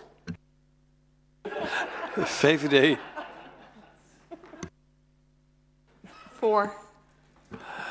ChristenUnie SGP. Wij waren al voor en dat blijven we voor. Soes 2002. Voor. Burgerbelangen. Voor. CDA. Ook voor. POS. Voor. En dan GGS. Voor. nou, dat is die unaniem aangenomen. Amendement is aangenomen. Dan het voorstel zelf. Ik denk niet dat ik daar stemming over hoef te doen, want dat is allemaal al goed besproken, tenzij iemand stemming vraagt. Als er geen stemming nodig is, is daarmee het voorstel zelf ook aangenomen. Kijk. Oh nee, ze stak echt. U stak de hand op, dan was ik te vroeg met het hameren. Ik vond het leuk om te hameren. Mevrouw Wegman namens GGS, u heeft het woord. Nou, als mosterd na de maaltijd. Maar ik had gehoord dat uh, uit diverse hoeken dat er nog wat uh, girl power van GGS bij moest. Um, als stemverklaring. Um, wij, wij zijn blij hoe de avond is gelopen. Wij zijn. Uh, um, ja, het is interessant hoe het is gegaan. wat we graag willen zeggen is dat ook wij vinden dat de omgevingsvisie en het coalitieakkoord uh, leidend zijn als kader. Nou, en, en, daarom is het dus goed dat de avond gelopen is zoals die gelopen is. En we kijken uit naar het vervolg, 15 juni, de vragen. En dan na de zomer komen we er weer op terug. Dank u wel. Dank u wel. Dan uh, kom ik terug op mijn conclusie. Dat de Raad unaniem heeft ingestemd met deze startnotities. Onder dankzegging aan alles en iedereen in deze inbreng. Nou telt hij echt. Goed, dames en heren, we zijn kort voor de klok van 11 uur en het reglement van orde schrijft mij voor dat ik u moet vragen of u de vergadering vanavond wil afmaken. Want u weet dat we onder het vragenkwartier ook nog twee onderwerpen hebben, artikel 47 en motie vreemd. Um, dus ik moet u de vraag voorleggen als een punt van orde of u de vergadering vanavond wil afmaken of niet. U wil de vergadering vanavond afmaken, heb ik dat gedaan. Maar dan ga ik u wel wat strenger proberen door de vergadering heen te leiden dan ik tot nu toe gedaan heb. Maar de onderwerpen lenen zich misschien daar ook over. Het wegenbeheerplan. Wie wenst daarover het woord? Meneer Klandermans. Wie nog meer? Mevrouw Flinterman. De Ruiter. Schopman. Dat is het. Meneer Klandermans, namens Soes 2002, u heeft het woord. Dank u, voorzitter. Wegenbeheerplan 2022-2026. Bij de behandeling van dit raadsvoorstel op 5 april, jongsleden, hebben wij positief op het plan gereageerd. Op de door ons gestelde bestuurlijke vragen hebben wij de antwoorden gekregen. Maar met betrekking tot de FC Kuiperstraat, om deze te betrekken bij het winkelgebied van Van Wederstraat en ook het niveau A toe te kennen, heeft de verantwoordelijk wethouder namens het college geantwoord dit te zullen meenemen. Maar na de genoemde raadsvergadering bleek dat de wethouder die toezegging niet had mogen doen. En dat is voor ons een reden om een amendement in te dienen, waarvan het dictum luidt de FC Kuiperstraat te betrekken bij het winkelgebied van Wederstraat en daarmee de inrichtings en onder, het inrichtings- en onderhoudsniveau op het niveau van dat van de Van Wederstraat te brengen. Deze, dit amendement maakt nu onderdeel uit onder uh, 4c en dan amendement 1, onderdeel uit van de beraadslaging. Dan geef ik nu het woord aan mevrouw Flinterman namens de fractie van D66. Dank u wel, voorzitter. Uh, korte introductie op uh, ons amendement. Uh, tijdens de fietstocht afgelopen vrijdag door Soest heeft de Raad een mooie rondleiding gehad. Het is duidelijk waar de problemen zitten qua wegenbeheer en het is goed om te zien hoe vakkundig de gemeente hiermee omgaat. We zijn voor alle punten die genoemd worden, wel zouden we graag nog een aanpassing willen zien als het gaat om de stationsgebieden. Daarom hebben we samen met GroenLinks een amendement opgesteld en dienen we dat hierbij in. Voor Soest is het, of voor D66 is het duidelijk dat de fiets op één staat, maar ook het openbaar vervoer is belangrijk in een dorp als Soest. Via de trein en bus bereiken onze studenten hun onderwijs, gaan mensen naar hun werk, reizen mensen naar een leuke bestemming voor een dagje uit. Maar we lezen ook dat het OV onder druk staat. In de startnotitie mobiliteit wordt genoemd dat onze treinverbinding Baarn-Utrecht eigenlijk niet genoeg reizigers heeft om het in stand te houden. Weerplan hebben we een kans om de trein- en busstationsgebieden aantrekkelijk te houden voor de reizigers en daarmee onze inwoners. En dan lees ik even het dictum van het uh, abonnement uh, voor. Ja, daar wacht ik op. um, de indieners stellen het volgende voor. Besluitpunt 2. Het onderhoudsniveau te handhaven op beeldkwaliteits B... met uitzondering van de winkelgebieden en de trein- en busstationsgebieden. Uh, en besluitpunt 3. Het onderhoudsniveau voor alle winkelgebieden en, en de trein- en busstationsgebieden vast te stellen op beeldkwaliteitsniveau A. En in feite komt het erop neer dat we winkelgebieden en uh, trein- en busstationsgebieden gelijk trekken op dat uh, gebied. Zover, dank u wel. Dank u wel, mevrouw Flinteman. Ook dit amendement nu onder A2 bij dit agendapunt maakt onderdeel uit van de beraadslaging. Meneer de Ruiter, GroenLinks. Dank, voorzitter. Uh, laat ik beginnen met zeer veel dank uit te spreken voor de zeer verhelderende en inzichtelijk makende fietstocht uh, die we eindelijk met prachtig weer uh, gehouden hebben. Uh, we hebben een aantal mooie um, um, presentaties gekregen. We hebben echt het gebied bekeken en uh, gezien hoe het eraan toe is. Nou, ik vond wel, zo slecht hebben we het in Soest ook weer niet. Uh, maar wat vooral uh, inzichtelijk gemaakt is, is de afwegingen die erachter zitten. Wanneer wel en wanneer niet en wat pak je precies aan. Ik heb daar drie punten uit uh, opgepikt waar ik de complimenten voor wil geven. Dat is dat er samenhangend naar het gebied gekeken wordt. Niet alleen maar naar de stoeptegel of alleen maar naar de bomen, maar alles samenhangend. En dan wordt de afweging pas gemaakt. Dat is fijn. Er wordt maatwerk geleverd. Per plek wordt ook gekeken. Nou, voldoet de standaardoplossing of moeten we hier iets extra's doen? Iets met kolken, uh, begreep ik van meneer De Wolf, die nog niet helemaal voldoen. Maar maatwerk, ook dat vinden we uh, super fijn. En uh, uh, wat ik eruit opgepikt heb, er, volgt, er is veel samenspraak met bewoners. Er wordt wel degelijk gevraagd, wat wilt u eigenlijk? En dan wordt het plan daar ook op aangepast. Ook super fijn. Toch hebben we als GroenLinks niet het idee dat altijd de goede keuzes uh, gemaakt worden. In die zin staan wij sympathiek tegenover het amendement van Soest 2002. Dat was zo'n plek waar we gekeken hebben waarvan ze zegt, mocht, mocht, mocht, het valt wel mee. Nou, daar kun je ook anders over denken. Um, ik begreep alleen dat het college hier al een toezegging had gedaan, maar dat horen we dan vanzelf in de reactie van het college. Dus graag reactie van het college op dit amendement. En uh, ik weet niet of u wel eens um, bij Soestdijk Noord busstation komt of bij station Soest Zuid. Daar zijn we niet langs gefietst, maar als we daar langs gefietst waren, dan had ik wel geweten dat hij bij u allemaal ook in de top 2 terechtgekomen was van plekken waar het toch iets minder uh, goed is met de bestrating in Soest. Dus vandaar dat we het amendement mede indienen over de stationsgebieden. Dank voorzitter. Dank u wel meneer de Ruiter. U sprak namens GroenLinks. Meneer Schotman, POS. Ja, dank u wel voorzitter. Uh, prettige en veilige woon- en leefomgeving uh, wordt mede bepaald door de staat van onderhoud van de openbare ruimte. Uh, de fractie van POS waardeert het werk dat is gestoken in dit plan. Zorgt ervoor dat de deels, uh, dat de deels al weggewerkte onderhoudsachterstanden de komende jaren verder weggewerkt kunnen worden en de drukbezochte winkelgebieden van Soest en Soesterberg een uniform aantrekkelijke uitstraling krijgen. Wat de fractie van POS betreft is het voorgestelde onderhoudsscenario een goede afweging tussen betaalbaarheid, veiligheid en uitstraling. Wat betreft de, uh, ze zijn beide ingediend, ja. De, wat betreft de ingediende amendementen lichten wij ons standpunt wat deze amendementen betreft graag nader toe. Allereerst het amendement FC Kuiperstraat van Soes 2002 dat oproept de FC Kuiperstraat te betrekken bij het winkelgebied van Wedestraat en daarmee het onderhoudsniveau te verhogen van beeldkwaliteitsniveau B naar A. Het is voor de fractie van Post duidelijk dat omwonenden en winkeliers van de FC Kuiperstraat een aantal problemen en tekortkomingen ervaren. Dat, hebben we ook, dat is ons eerder ook ter oren gekomen. Waaronder stankoverlast door het riool, verschillende soorten bestrating en straatverlichting.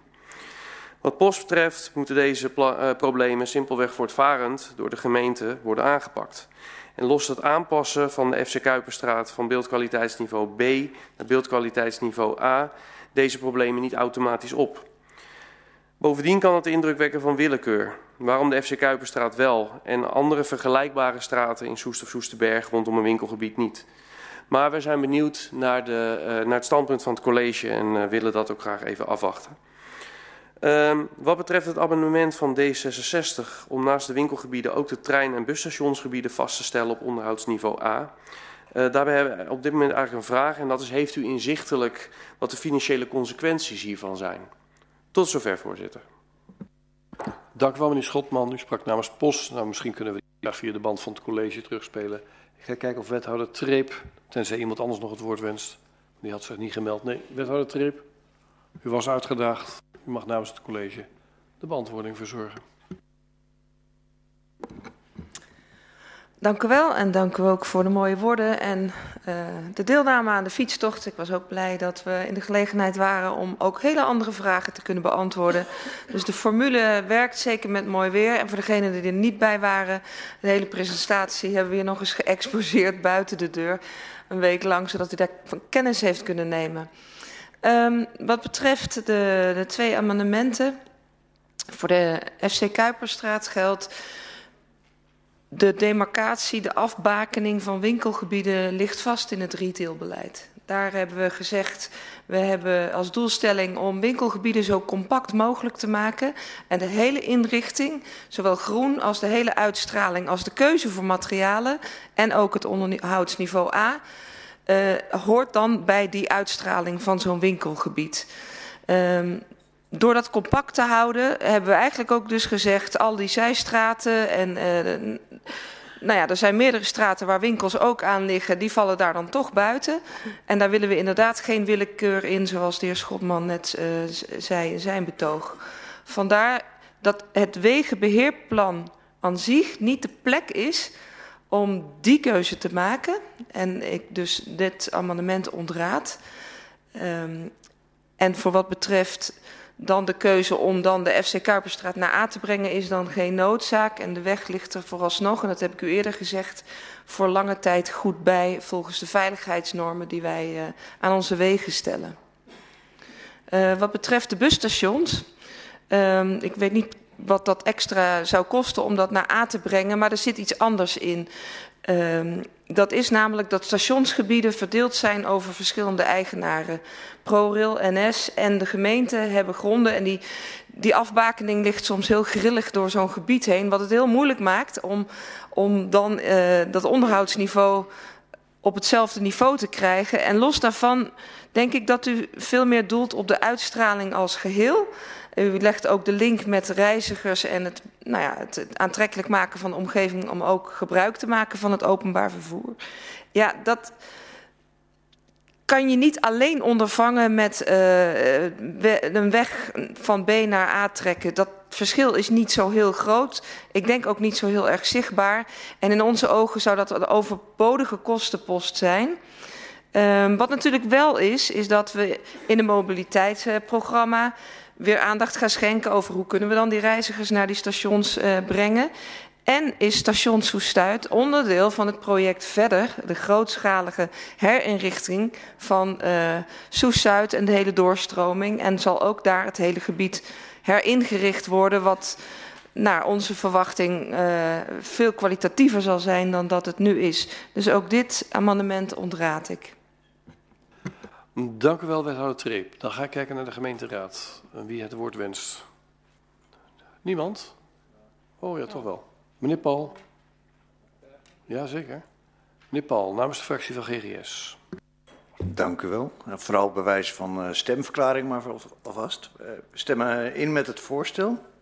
Uh, zoals vorige week al aangestipt, Soest is op de goede weg. Dat is, dat is al een aantal jaren. Zien wij in het wegenonderhoud. Wat toch een, ook het visitekaartje is van de gemeente, een stijgende lijn. Uh, waarbij ook de kwaliteit van de wegen niet uit het oog wordt verloren. En daarvoor complimenten aan, aan het hele apparaat. En we hopen dat die, uh, dat die lijn wordt voortgezet. Dus ook met oog voor ecologie en waterbeheersing. Uh, ik zal ook nog even ja, over de moties, amendementen, sorry, wat zeggen. FC Kuiperstraat, dat, dat, wij zijn bang voor een precedentwerking als je dat naar beeldkwaliteit aanhoudt haalt. Ja, dan komt de Galakampelsweg uh, volgende week ook aan de beurt. In Soes-Zuid.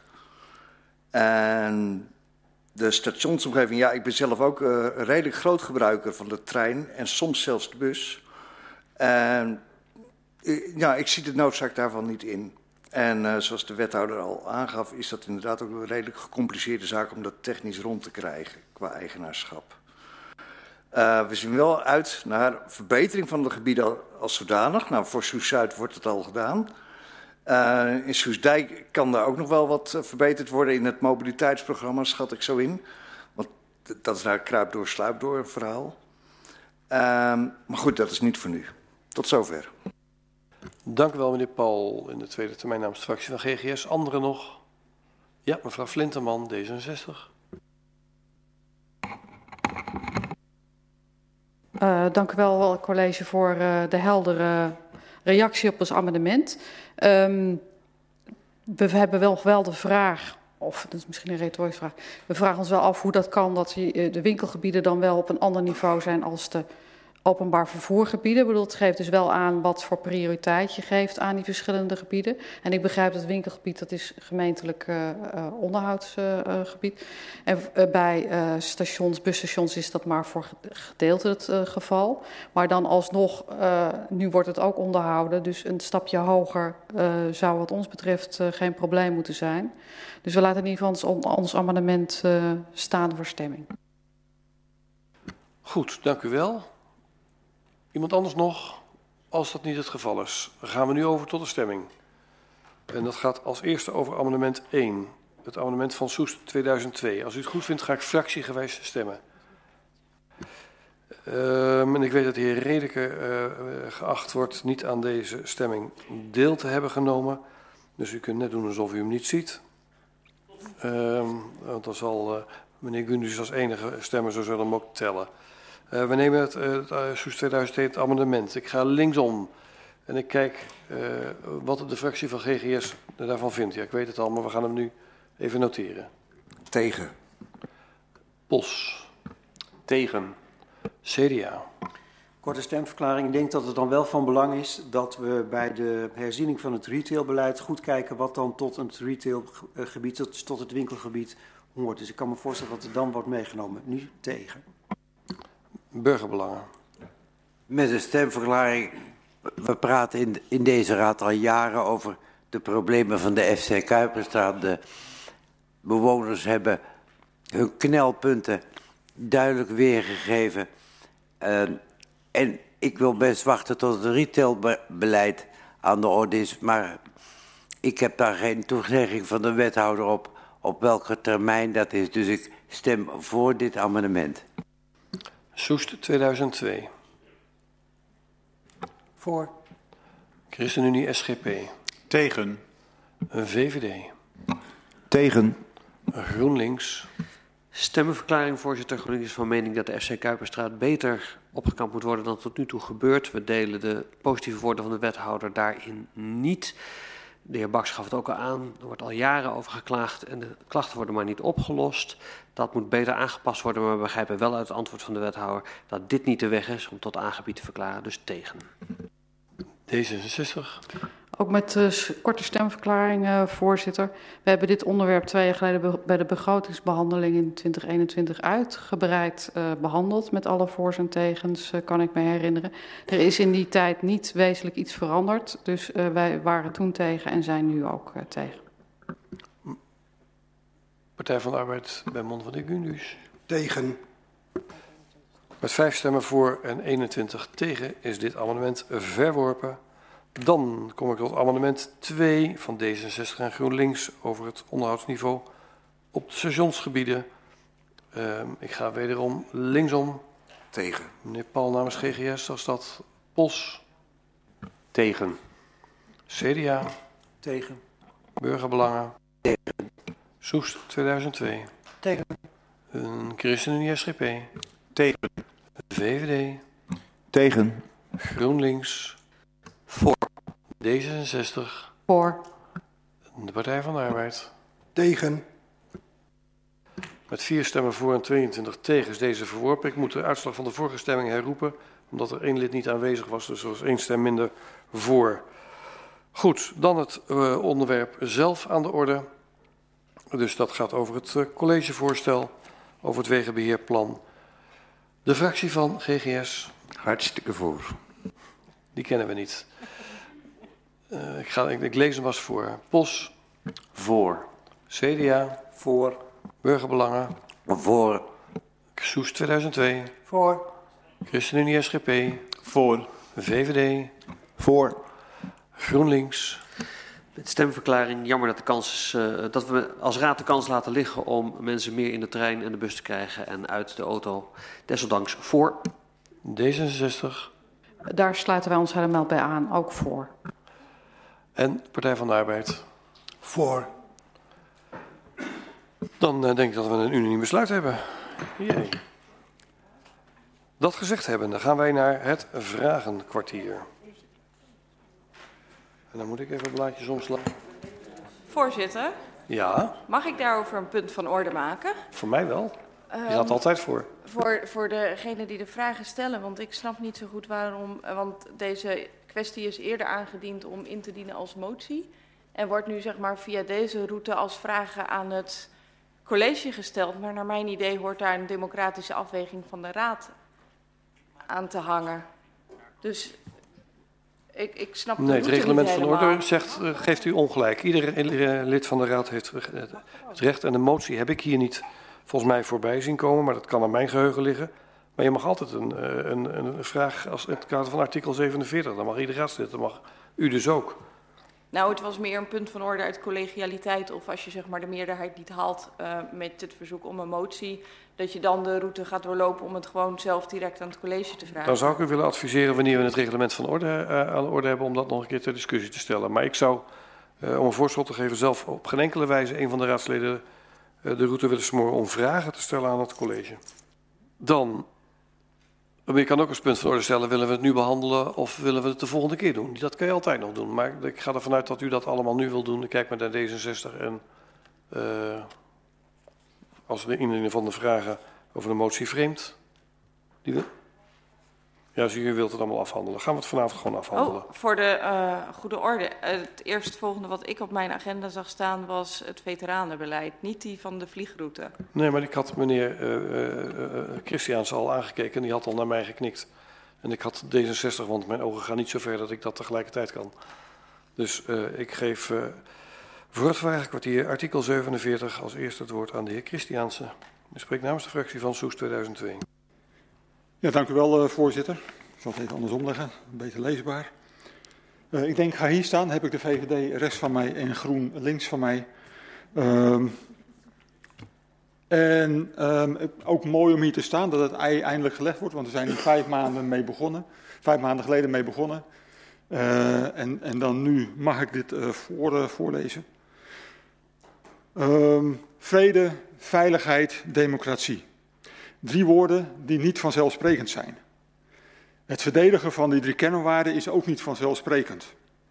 Of dit nu in de vreemde is, in de strijd tegen internationaal terrorisme, of hier in onze eigen dorpen als het gaat om de bescherming van onze inwoners en de openbare orde, of het bestrijden van branden of andere ongewenste gebeurtenissen.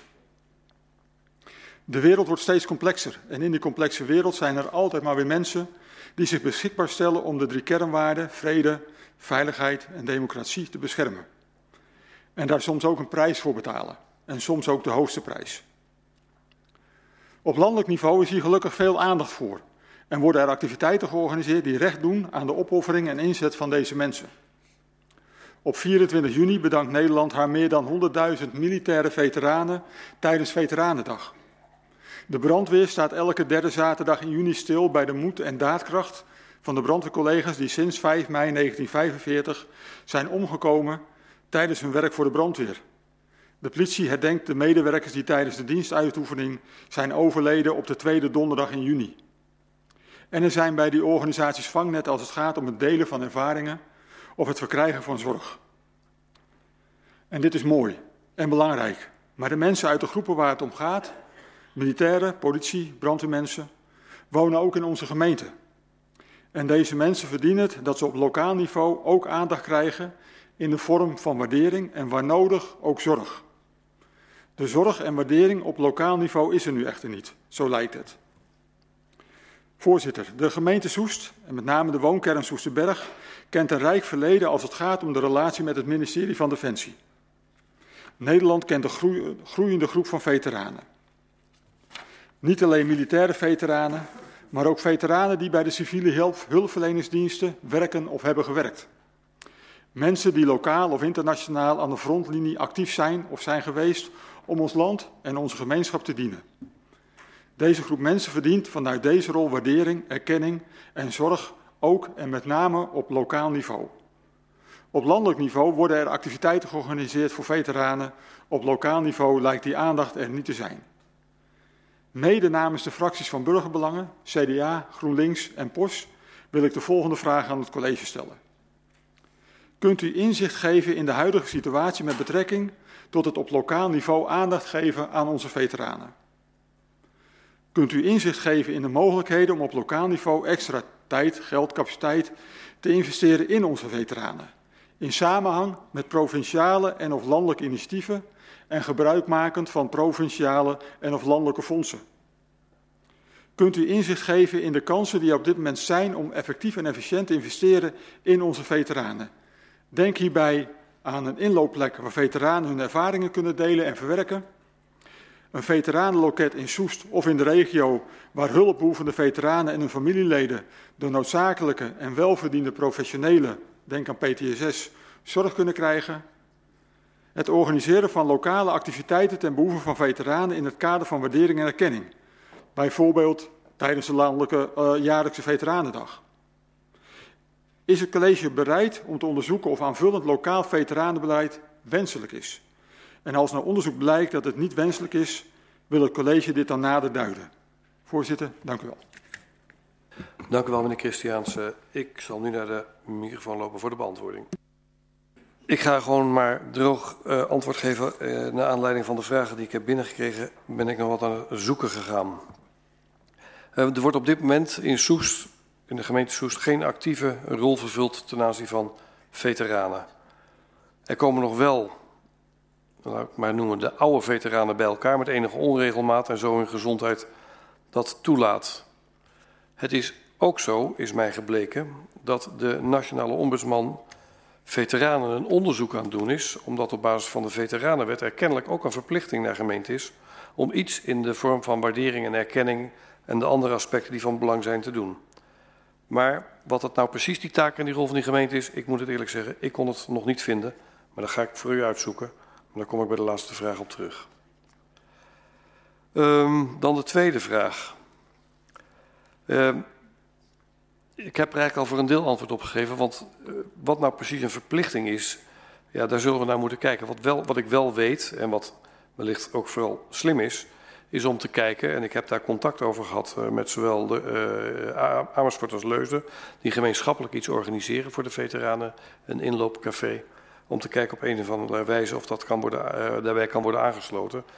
maar ook de regimenten die er in Soesterberg gelegen zijn, Tweede Transport en Logistiek, technische troepen en de administratieve troepen, die regimenten zijn gelegen en die hebben een veteranenbeleid. ik weet dat daar ook allerlei initiatieven leven. Uh, net zo goed als bij de historische collectie die daar is. En wellicht kunnen we daar uh, dan iets, iets op aansluiten. Wij zullen dat, dat verder wel bekijken en dat, dat, in, dat verworven inzicht. Dan heb ik het natuurlijk met name op de, op de rol die, de, die er kennelijk in de, in de veteranenwet bedacht is. Maar die kennelijk onduidelijk is omdat een groot deel van de gemeente er geen invulling aan geeft. ik kom daar bij u op, bij u op terug. Um, uw derde vraag kunt u ingeven, en er zitten een aantal subvragen, een inloopplek. Nou, ik heb al genoemd over een aantal initiatieven. Ik weet dat het Nationaal Militair Museum, want die bestaan volgend jaar tien jaar, en die gaan kijken of ze daar wat meer aan, aan kunnen doen. Uh, maar de initiatieven die er zijn, ook om de genoemde regimenten, die staan nog relatief los van onze eigen inwoners, onze eigen veteranen. En wellicht kunnen we kijken of daar uh, ook daar synergie in te geven is. De veteranenwet zegt wel iets, maar het is nog niet helemaal helder. Maar uiteindelijk is het, is de, is het ministerie van Defensie en het veteranenloket zijn de loketten, het veteraneninstituut moet ik zeggen. Dat is het, het, loket waar veteranen terecht moeten als ze met klachten komen. Omdat daar geregeld is hoe ze ondersteund kunnen worden op allerlei materiële en immateriële uh, wijze. Dat is niet de rol. Maar het kan zijn dat via een zijinstroom of uiteindelijk op enige wijze uh, natuurlijk ook vanuit de WMO daar een aanvraag gedaan wordt. Maar ik heb geen inzicht in hoeverre dat speelt, want dat zijn dan meestal afgeleide vragen die later komen. Maar er is in ieder geval een, een rol. Maar het, het Veteraneninstituut, die heeft in principe de, de, de rol om de coördinerende rol te spelen. Het zit in Doorn, dus dat is gelukkig in ieder geval in de, in de regio. Ik heb een aantal jaren geleden contact gehad. Ze zijn in 21 opgericht als instituut, als zodanig. Er zijn een aantal andere organisaties dat contact nog een keer aanhalen. Uh, dan de vraag over de lokale activiteiten. Ja, we hebben bij Soest Veteranendag nooit activiteiten ondernomen. Er bleek niet direct vraag naar vanuit onze uh, eigen gemeenschap. Ik weet wel dat er een aantal Soester veteranen specifiek naar Den Haag gaan daar, daarvoor. Dus er is kennelijk wel een behoefte, maar die heb, heb ik nog niet hier kunnen, kunnen ontdekken. Uh, maar we merken wel dat het uh, denken over veteranen, u verwoordde dat voor een deel in uw inleiding, uh, en heeft natuurlijk ook met de geopolitieke situatie te maken, dat het denken over veteranen en veteranenbeleid wel steeds meer waardering krijgt in de Nederlandse samenleving. Nederland loopt er absoluut achter met andere landen in de wereld. Uh, maar bij een recent onderzoek bleek nog dat 80% van de, van de samenleving waardering heeft voor de veteranen. Maar hoe wij daar, of, wij, of wij daar en hoe wij daar dan als overheid, lokale overheid, een rol hebben, zou ik op dit moment niet kunnen invullen. Dat, want dat brengt me bij uw laatste vraag. Zijn we bereid om te onderzoeken? Maar ik heb u al gezegd, ik denk dat wij in ieder geval moeten voldoen aan de, aan de verplichtingen die de wet ons daarmee opgeeft. Ik denk dat het ook niet zo moeilijk is om te spreken over waardering en erkenning voor de mensen die namens ons voor vrede en veiligheid zorgen. Maar ik wil vooral ook maar in andere zin nog een andere zijstap maken. Dat, uh, het zijn niet alleen de militaire veteranen die in, uh, die in PTSS-vraagstukken uh, terechtkomen. En we weten allemaal, en met name uit Amerika, dat met name de vraagstukken daar ook kunnen leiden tot allemaal ongewenste onveiligheidsgedrag. En dan is het wel fijn als je uh, mensen kent uit die veteranen. Um, en dat is dan wel weer uh, vanuit de andere invalshoek ook. Uh, ik heb, dat geldt natuurlijk niet alleen voor de burgemeester. Het veteranenbeleid ligt natuurlijk daar, daar wel. Maar als je praat over zorg en praat over welzijn van onze samenleving, zijn natuurlijk andere portefeuillehouders daar ook bij betrokken. Dus nou, u heeft al begrepen. ik weet dat er. Um, dat er iets op ons af is gekomen waar wij kennelijk ons niet helemaal van bewust zijn. Ik weet niet in welke vorm en mate. Wij gaan ons daarboven beraden. En als dat nodig is, komen we daar uh, bij, u, bij u op terug. Als u het goed vindt daarin, meneer Christiaans, dan zou ik eigenlijk over willen gaan naar de motie vreemd. U vindt dat goed? Dat is mooi. En dan kijk ik naar de fractie van D66. Bij monden van mevrouw Flinteman. Dank u wel, voorzitter. Ja, het is laat op de avond. Nog even een minuutje geduld voor een belangrijk onderwerp. Um, motie aanvliegroute. D66 heeft eerder vragen gesteld over de vierde aanvliegroute vanuit Schiphol. En we danken het college voor de antwoorden en het werk wat eraan vooraf is gegaan. De gevolgen en de uitkomsten van deze vierde aanvliegroute blijven nog steeds vaag. Ondertussen zijn er meerdere gemeenten in deze regio die een politieke uitspraak hebben gedaan tegen de komst van deze vliegroute en is de oproep duidelijk. We moeten als regio optrekken, gezamenlijk optrekken, als we ons willen verzetten tegen de negatieve gevolgen van deze vliegroute. Daarom deze motie. Om het college op te roepen om die samenleving te steunen en die samenwerking te blijven zoeken en om een signaal te geven aan het ministerie. Nu al zijn er inwoners die last hebben van geluidsoverlast van vliegtuigen. En we weten ook dat de luchtvaart nog niet schoon is qua uitstoot. We werken samen in de regio om onze natuur te versterken. En daar hoort het overvliegen van vele vliegtuigen op een lagere hoogte dan gewenst dus niet bij. Voor de gezondheid van onze inwoners en de natuur laten we duidelijk uitspreken dat we als Soest ons zorgen maken. We zijn blij met de mede-indieners en uiteraard roepen we de andere partijen op om ook mee te doen met deze oproep. Alleen zo hebben we een politieke boodschap naar het ministerie en, naar, en steun in de regio. En voor de landelijke partijen in deze raadzaal zou ik zeggen, gebruik uw invloed in Den Haag om uw eigen fractie ook te, uh, op te roepen om het ministerie onder uh, druk te zetten. Het dictum. De Raad spreekt uit dat de vierde aanvloegroute niet mag zorgen voor extra geluidsoverlast en milieuvervuiling in ons gebied. En roept het college op om de samenwerking met de regio te blijven zoeken en zich te verzetten tegen de negatieve gevolgen van de vierde aanvliegroute voor ons gebied. En deze motie is, is van D66 uh, mede ingediend door GroenLinks en POS. Dank u wel, mevrouw Flinteman. Zijn er andere fracties die zich willen uitspreken over deze motie vreemd aan de orde van de dag? Voorzitter, krijgen we nog een reactie van het college hier ook? Oh ja, dat is een goeie. Ja, ik ben ook een beetje moe. Neem me niet kwalijk. Ik ga even naar het college kijken. Ja, dank u, dank u wel. Ik zat een beetje te dromen. Mevrouw Treep.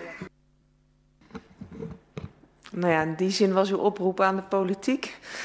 Maar ik ga nog even teruggrijpen op de beantwoording. U heeft in februari vragen gesteld, die zijn eind maart uitgebreid uh, beantwoord door het, uh, door het college. Uh, waarin we hebben aangegeven dat het nog best een poos duurt voordat we uit de schimmigheid en de vaagheid komen waar u op duidt. Uh, we zitten in de plan, uh, nou ja, het ministerie zit in de plan- en de realisatiefase. En we verwachten eigenlijk pas dat we medio 2024 een beetje zicht krijgen op welke aanlandingspunt dan uh, de route betrekking zou kunnen hebben. En of dat dan inderdaad ook over Soest gaat. Tot dusver is het dan heel onduidelijk. We hebben natuurlijk eerder in een brief samen met andere gemeenten en de provincie al richting het Rijk aangegeven dat we ons zorgen maken. En wij wachten op uh, de uitnodiging voor een uh, participatieproces van alle gemeenten en de provincie, waarin wij dan onze verantwoordelijkheid kunnen nemen om nou ja, kenbaar te maken hoe wij daarin staan. en hoe we de, in ieder geval de belangen van Soest en Soesterberg kunnen behartigen. om nou ja, onze geluidsarme kernwaarden te agenderen. Zo hebben we het opgeschreven in de beantwoording van uw vraag hierop. Um, door daaraan deel te nemen, denk ik dat we de kracht kunnen bijzetten vanuit alle gemeenten en de provincie samen richting het Rijk. In die zin is denk ik dat wat wij dan doen uh, voldoende en acht ik voor nu deze motie overbodig. Um, maar hij is politiek, dus ik laat het maar nu. Nou, ik kijk nu naar de politiek. Wie wenst hierover het woord? Meneer de Ruiter. Dan meneer Stormbroek. Nou, ga ik daarna verder inventariseren. Meneer de Ruiter. Ja, dank voorzitter. Als, als mede-indiener kan ik het niet laten om uh, bij deze halve overbodige verklaring van het college toch nog iets toe te voegen.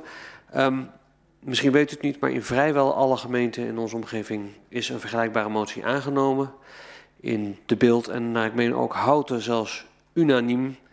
Uh, bedenk wat u doet als u deze motie niet aanneemt. Dan zijn we misschien niet het meest milieuvriendelijke dorp in de omgeving. Dank voorzitter. Dank u wel, meneer de Ruiter. U sprak namens GroenLinks. Meneer Stormbroek, POS. Ja, ik mag ook nog even vanavond. Je zou het bijna niet denken. Uh, nou ja, wij zijn uh, van harte mede-indiener van uh, de motie van D66 in zaken de vierde aanvliegroute van Schiphol. Het is van groot belang dat deze route geen extra geluidsoverlast en milieuvervuiling veroorzaakt voor het gebied rond Soest en Soesterberg. De kans dat er misschien wel 120 vliegbewegingen per dag, misschien wel vliegtuigen op minder dan 2 kilometer hoogte boven ons hoofd kunnen plaatsvinden, is zelfs voor ons uit het vliegdorp net iets te gortig. Zoals u wellicht weet, maakt de vierde aanvliegroute deel uit van de voorkeursbeslissing luchtruimherziening. Deze beslissing heeft als doel de luchtvaart in Nederland, zogezegd, efficiënter en duurzamer te maken. Onder andere door het herzien van de luchtruimindeling. Laten we het er dan maar niet over hebben dat Schiphol wil blijven groeien en dat die groei ook zomaar boven onze dorpen en natuurgebieden kan plaatsvinden. Dit met alle gevolgen, negatieve gevolgen voor de leefbaarheid van mensen en dieren in onze dorpen. De inschatting is dat het naderingspunt van de vierde aanvliegroute, namelijk boven het zuidoosten van de provincie Utrecht of het zuidwesten van Gelderland, komt te liggen met eventuele routepunten verspreid over de provincie Utrecht. Laten we, ik uh, herhaal eigenlijk een beetje wat meneer de Ruiter zegt, laten onze buren zoveel mogelijk volgen. Amersfoort, De Beeld en Woudenberg hebben onder andere ook ingestemd met een motie van gelijke strekking. Zij hebben zich uitgesproken tegen de komst van de vierde aanvliegroute boven onze regio. Dus uh, ja, het college wil hem niet overnemen, maar dan een oproep aan de raad. Steunt u hem alstublieft en uh, stem hem niet weg, want anders krijgen we de aanvliegroute misschien wel juist boven ons hoofd. Dank u wel. Ik wil even, zou het college niet gezegd of ze hem niet wil overnemen? Het college heeft gezegd dat is een uitspraak van de politiek. En aangezien het college geen deel uitmaakt van deze raad, kan het college op dit moment ook niet anders zeggen. Um, ik kijk even, meneer Pauw en dan mevrouw Flinteman, die was al geweest. Oh, meneer Dijkhuizen. Voorzitter, uh, met Soesterberg mee waren we eigenlijk een vliegdorp. En uh, we praten nu over uh, om te zorgen dat er zo min mogelijk last komt van vliegtuigen die ons ook een stukje zeg maar, historie hebben gebracht. toch denk ik dat wij de wethouder moeten steunen in haar straks zeg maar, verdere uh, uitvoering daarin om met, gezamenlijk met andere gemeentes te komen. Dat we in ieder geval in Soest zo min mogelijk last krijgen van de nieuwe route die ze op Schiphol nodig achten. Maar hopelijk zijn we met z'n allen verstandiger dat we minder gaan vliegen in de toekomst. Dank u wel. Dank u wel, meneer Pauw. Voorzitter. Wel, meneer Baks. Als ik uh, toestemming krijg om te interrumperen. Ja. Uh, meneer Pauw zegt wel mooi dat we de wethouder steunen, maar ziet u daar niet in dat deze motie juist een ruggensteuntje voor de wethouder is in haar overleg in de regio? Want daar heb ik u niks over horen zeggen. Meneer Pauw. Dank voor de interruptie. Zo bedoel ik het ook. Het is een steuntje voor de wethouder om uh, zeg maar, zich hard te maken wat de motie ook aangeeft. Wij zullen dus voor zijn, uh, voor alle duidelijkheid. Dat levert duidelijkheid op. Mevrouw Flinteman. Ja, nog even uh, in aanvulling op het antwoord uh, van uh, het college. Um, bestuurlijk gezien is de motie misschien overbodig. Maar we hebben een aanleiding van de vragen um, die we gesteld hebben over dit onderwerp en die ook in de, in de, in de pers zijn gekomen, veel gehoord van Soester inwoners die zich heel erg zorgen maken van wat gaat er hier gebeuren en hoe zit dat nou en wat kunnen we daartegen doen. Uh, dus in die zin vind ik het jammer dat de wethouder het niet ruimhartig overneemt en zegt ja we gaan ons uiterste best doen. Misschien mag ik uw uh, antwoord toch een beetje die kant interpreteren. Want eigenlijk is dat waar iedereen uh, op zit te wachten. Wat ook de bedoeling is van uh, de moties die verder in de regio zijn uitgezet. U kunt ons niet geruststellen, want zover zijn we nog niet. Maar de motie roept op om alles in het werk te stellen om te voorkomen dat die aanvliegroute schadelijke gevolgen voor ons zal hebben. En als het enigszins mogelijk is te voorkomen dat die aanvliegroute boven Soest uh, zal gaan plaatsvinden. Dus um, ook ter geruststelling voor onze inwoners dat dit college en de gemeente Soest er alles aan doet om dat uh, te voorkomen. Ja, ik, ik, maak toch even een, een, punt van orde nou. Ik heb de wethouder horen zeggen dat ze haar uiterste best doet. Dat, ze, dat u al drie keer heeft beantwoord dat ze daar op alle mogelijke chemia mee aan de gang heeft. Dus ze kan dit ook niet overnemen, want ze doet dat al. En ze zegt vervolgens, als u de motie in stemming brengt, dan is het aan u, want het is politiek. Want ik ben niet van de politiek, daar bent u. Dus ik, ik, ik, ik snap het verwijt wat u formuleert richting het college niet. Ik vind het ook een onterecht verwijt wat u hier maakt. Daar teken ik echt bezwaar tegen aan. U moet hier met elkaar uitmaken wat u als raad vindt. Daar gaat de hele wethouder niet over. Goed, dat gezegd hebben. Meneer Dijkhuizen. Dank u wel, voorzitter. Ja, wij, wij zien uh, in de beantwoording van de wethouder inderdaad dat zij op haar uh, manier met het college um, aandacht blijft vragen voor dit nieuwe ja, fenomeen, zou ik bijna zeggen, voor deze nieuwe aanvliegroute. Wij worstelen wel een beetje, moet ik eerlijk zeggen, met het, nou ja, met het, met het voor zijn voor deze motie. Want um, meneer Pauw, u zei het eigenlijk al, het onderliggende probleem is dat er gewoon veel te veel gevlogen gaat worden. Daar zouden we eigenlijk op moeten ingrijpen. Daar gaan we niet over. Tenminste, dat schat ik in. We kunnen hooguit zelf op de fiets gaan, hè, meneer de Ruiter. Um, maar daar zou je eigenlijk wat aan moeten doen. En wij worstelen ook, omdat we, als we daar niks aan veranderen, dan zal het aantal vliegtuigen in ons luchtruim niet afnemen. En als wij dan zeggen, ja, maar even niet over Soest, dan, dan zal die concentratie ergens anders, waar die nu al vliegt, misschien wel wel dubbel worden. Ik zou bijna zeggen, als we maar even naar onze lokale politiek zeggen. Ja, we willen wel, we willen wel vliegen, we willen wel een huis bouwen, maar niet in onze achtertuin. Dus, dus vliegen mag wel, maar niet over Soest. En dus we worstelen een beetje. Maar goed, we begrijpen het wel en we zijn blij met de worsteling ook uh, vanuit het college. En politiek gezien zijn we dan toch maar voor. Maar wel met die worsteling. Dank u wel. Dank u wel, meneer Dijkhuizen. Namens de ChristenUnie SGV, mevrouw Sterenberg. Het is toch leuk om de heer Dijkhuizen weer af te horen sluiten met een worsteling. Dus ik worstel gewoon weer even uh, leuk mee. Uh, de wethouder is volgens ons heel erg duidelijk geweest. En uh, ik vond wat de heer Dijkhuizen aangaf, vond ik wel heel treffend. Want het is natuurlijk gewoon een NIMBY-gevalletje inderdaad. Kijk, ik stap deze zomer ook gewoon weer in het vliegtuig. En zo velen met ons. Dus de vluchten zullen er zijn. Er is volop aandacht voor het beperken van de schade van vluchten. Dat is een hot topic tegenwoordig. Wij hebben al het vertrouwen in de wethouder. De wethouder geeft ook aan, hè, dit is nog niet dat proces. De participatie gaat nog komen. Als wij dan kijken hoe wij reageren naar inwoners die al eigenlijk naar ons komen... voordat wij überhaupt nog een letter op papier hebben... Um, zeggen wij van, nou, wij hebben het vertrouwen in de wethouder... en wij zullen de motie niet steunen. Dank u wel, mevrouw Sterenberg, namens de fractie van de VVD. Zijn er nog andere fracties die zich willen uitspreken? Als dat niet het geval is, dan ga ik de motie in stemming brengen, denk ik. En dan ga ik linksom. U spreekt uit voor, en dat was GGS. Dan ga ik naar POS. Ja, graag met microfoon. Dat is namelijk voor de ondertiteling en voor het voordelijk verslag ook uh, van belang. Dat is vanavond even niet zo gewend om op die knop te drukken. Uh, voor. Ja, CDA. Voor. Burgerbelangen. Voor. Soest 2002. Ja, voorzitter, Soest 2002 zit deze motie alleen als ondersteuning voor de wethouder waar hij mee bezig is. Wij zijn voor. ChristenUnie SGP. Ja, met de stemverklaring sluit ik eigenlijk bij, de, bij diezelfde woorden aan, voorzitter. Zoals ik dat ook al eerder zei, als een steun in de rug voor de, uh, voor de wethouder. Dank u wel. Dank u wel. VVD. Tegen. GroenLinks. Voor. D66. Voor. Partij van de Arbeid. Voor en ik sluit mij ook aan bij Soes 2002 en uh, ChristenUnie SGP.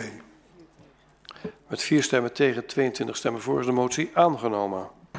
Dan ben ik aangekomen bij het laatste agendapunt en dat is de sluiting. Mag ik iedereen bedanken voor zijn aanwezigheid en inzet en mag ik de fractievoorzitters vragen nog voor een kort moment in de ruimte hiernaast. Ik sluit de vergadering.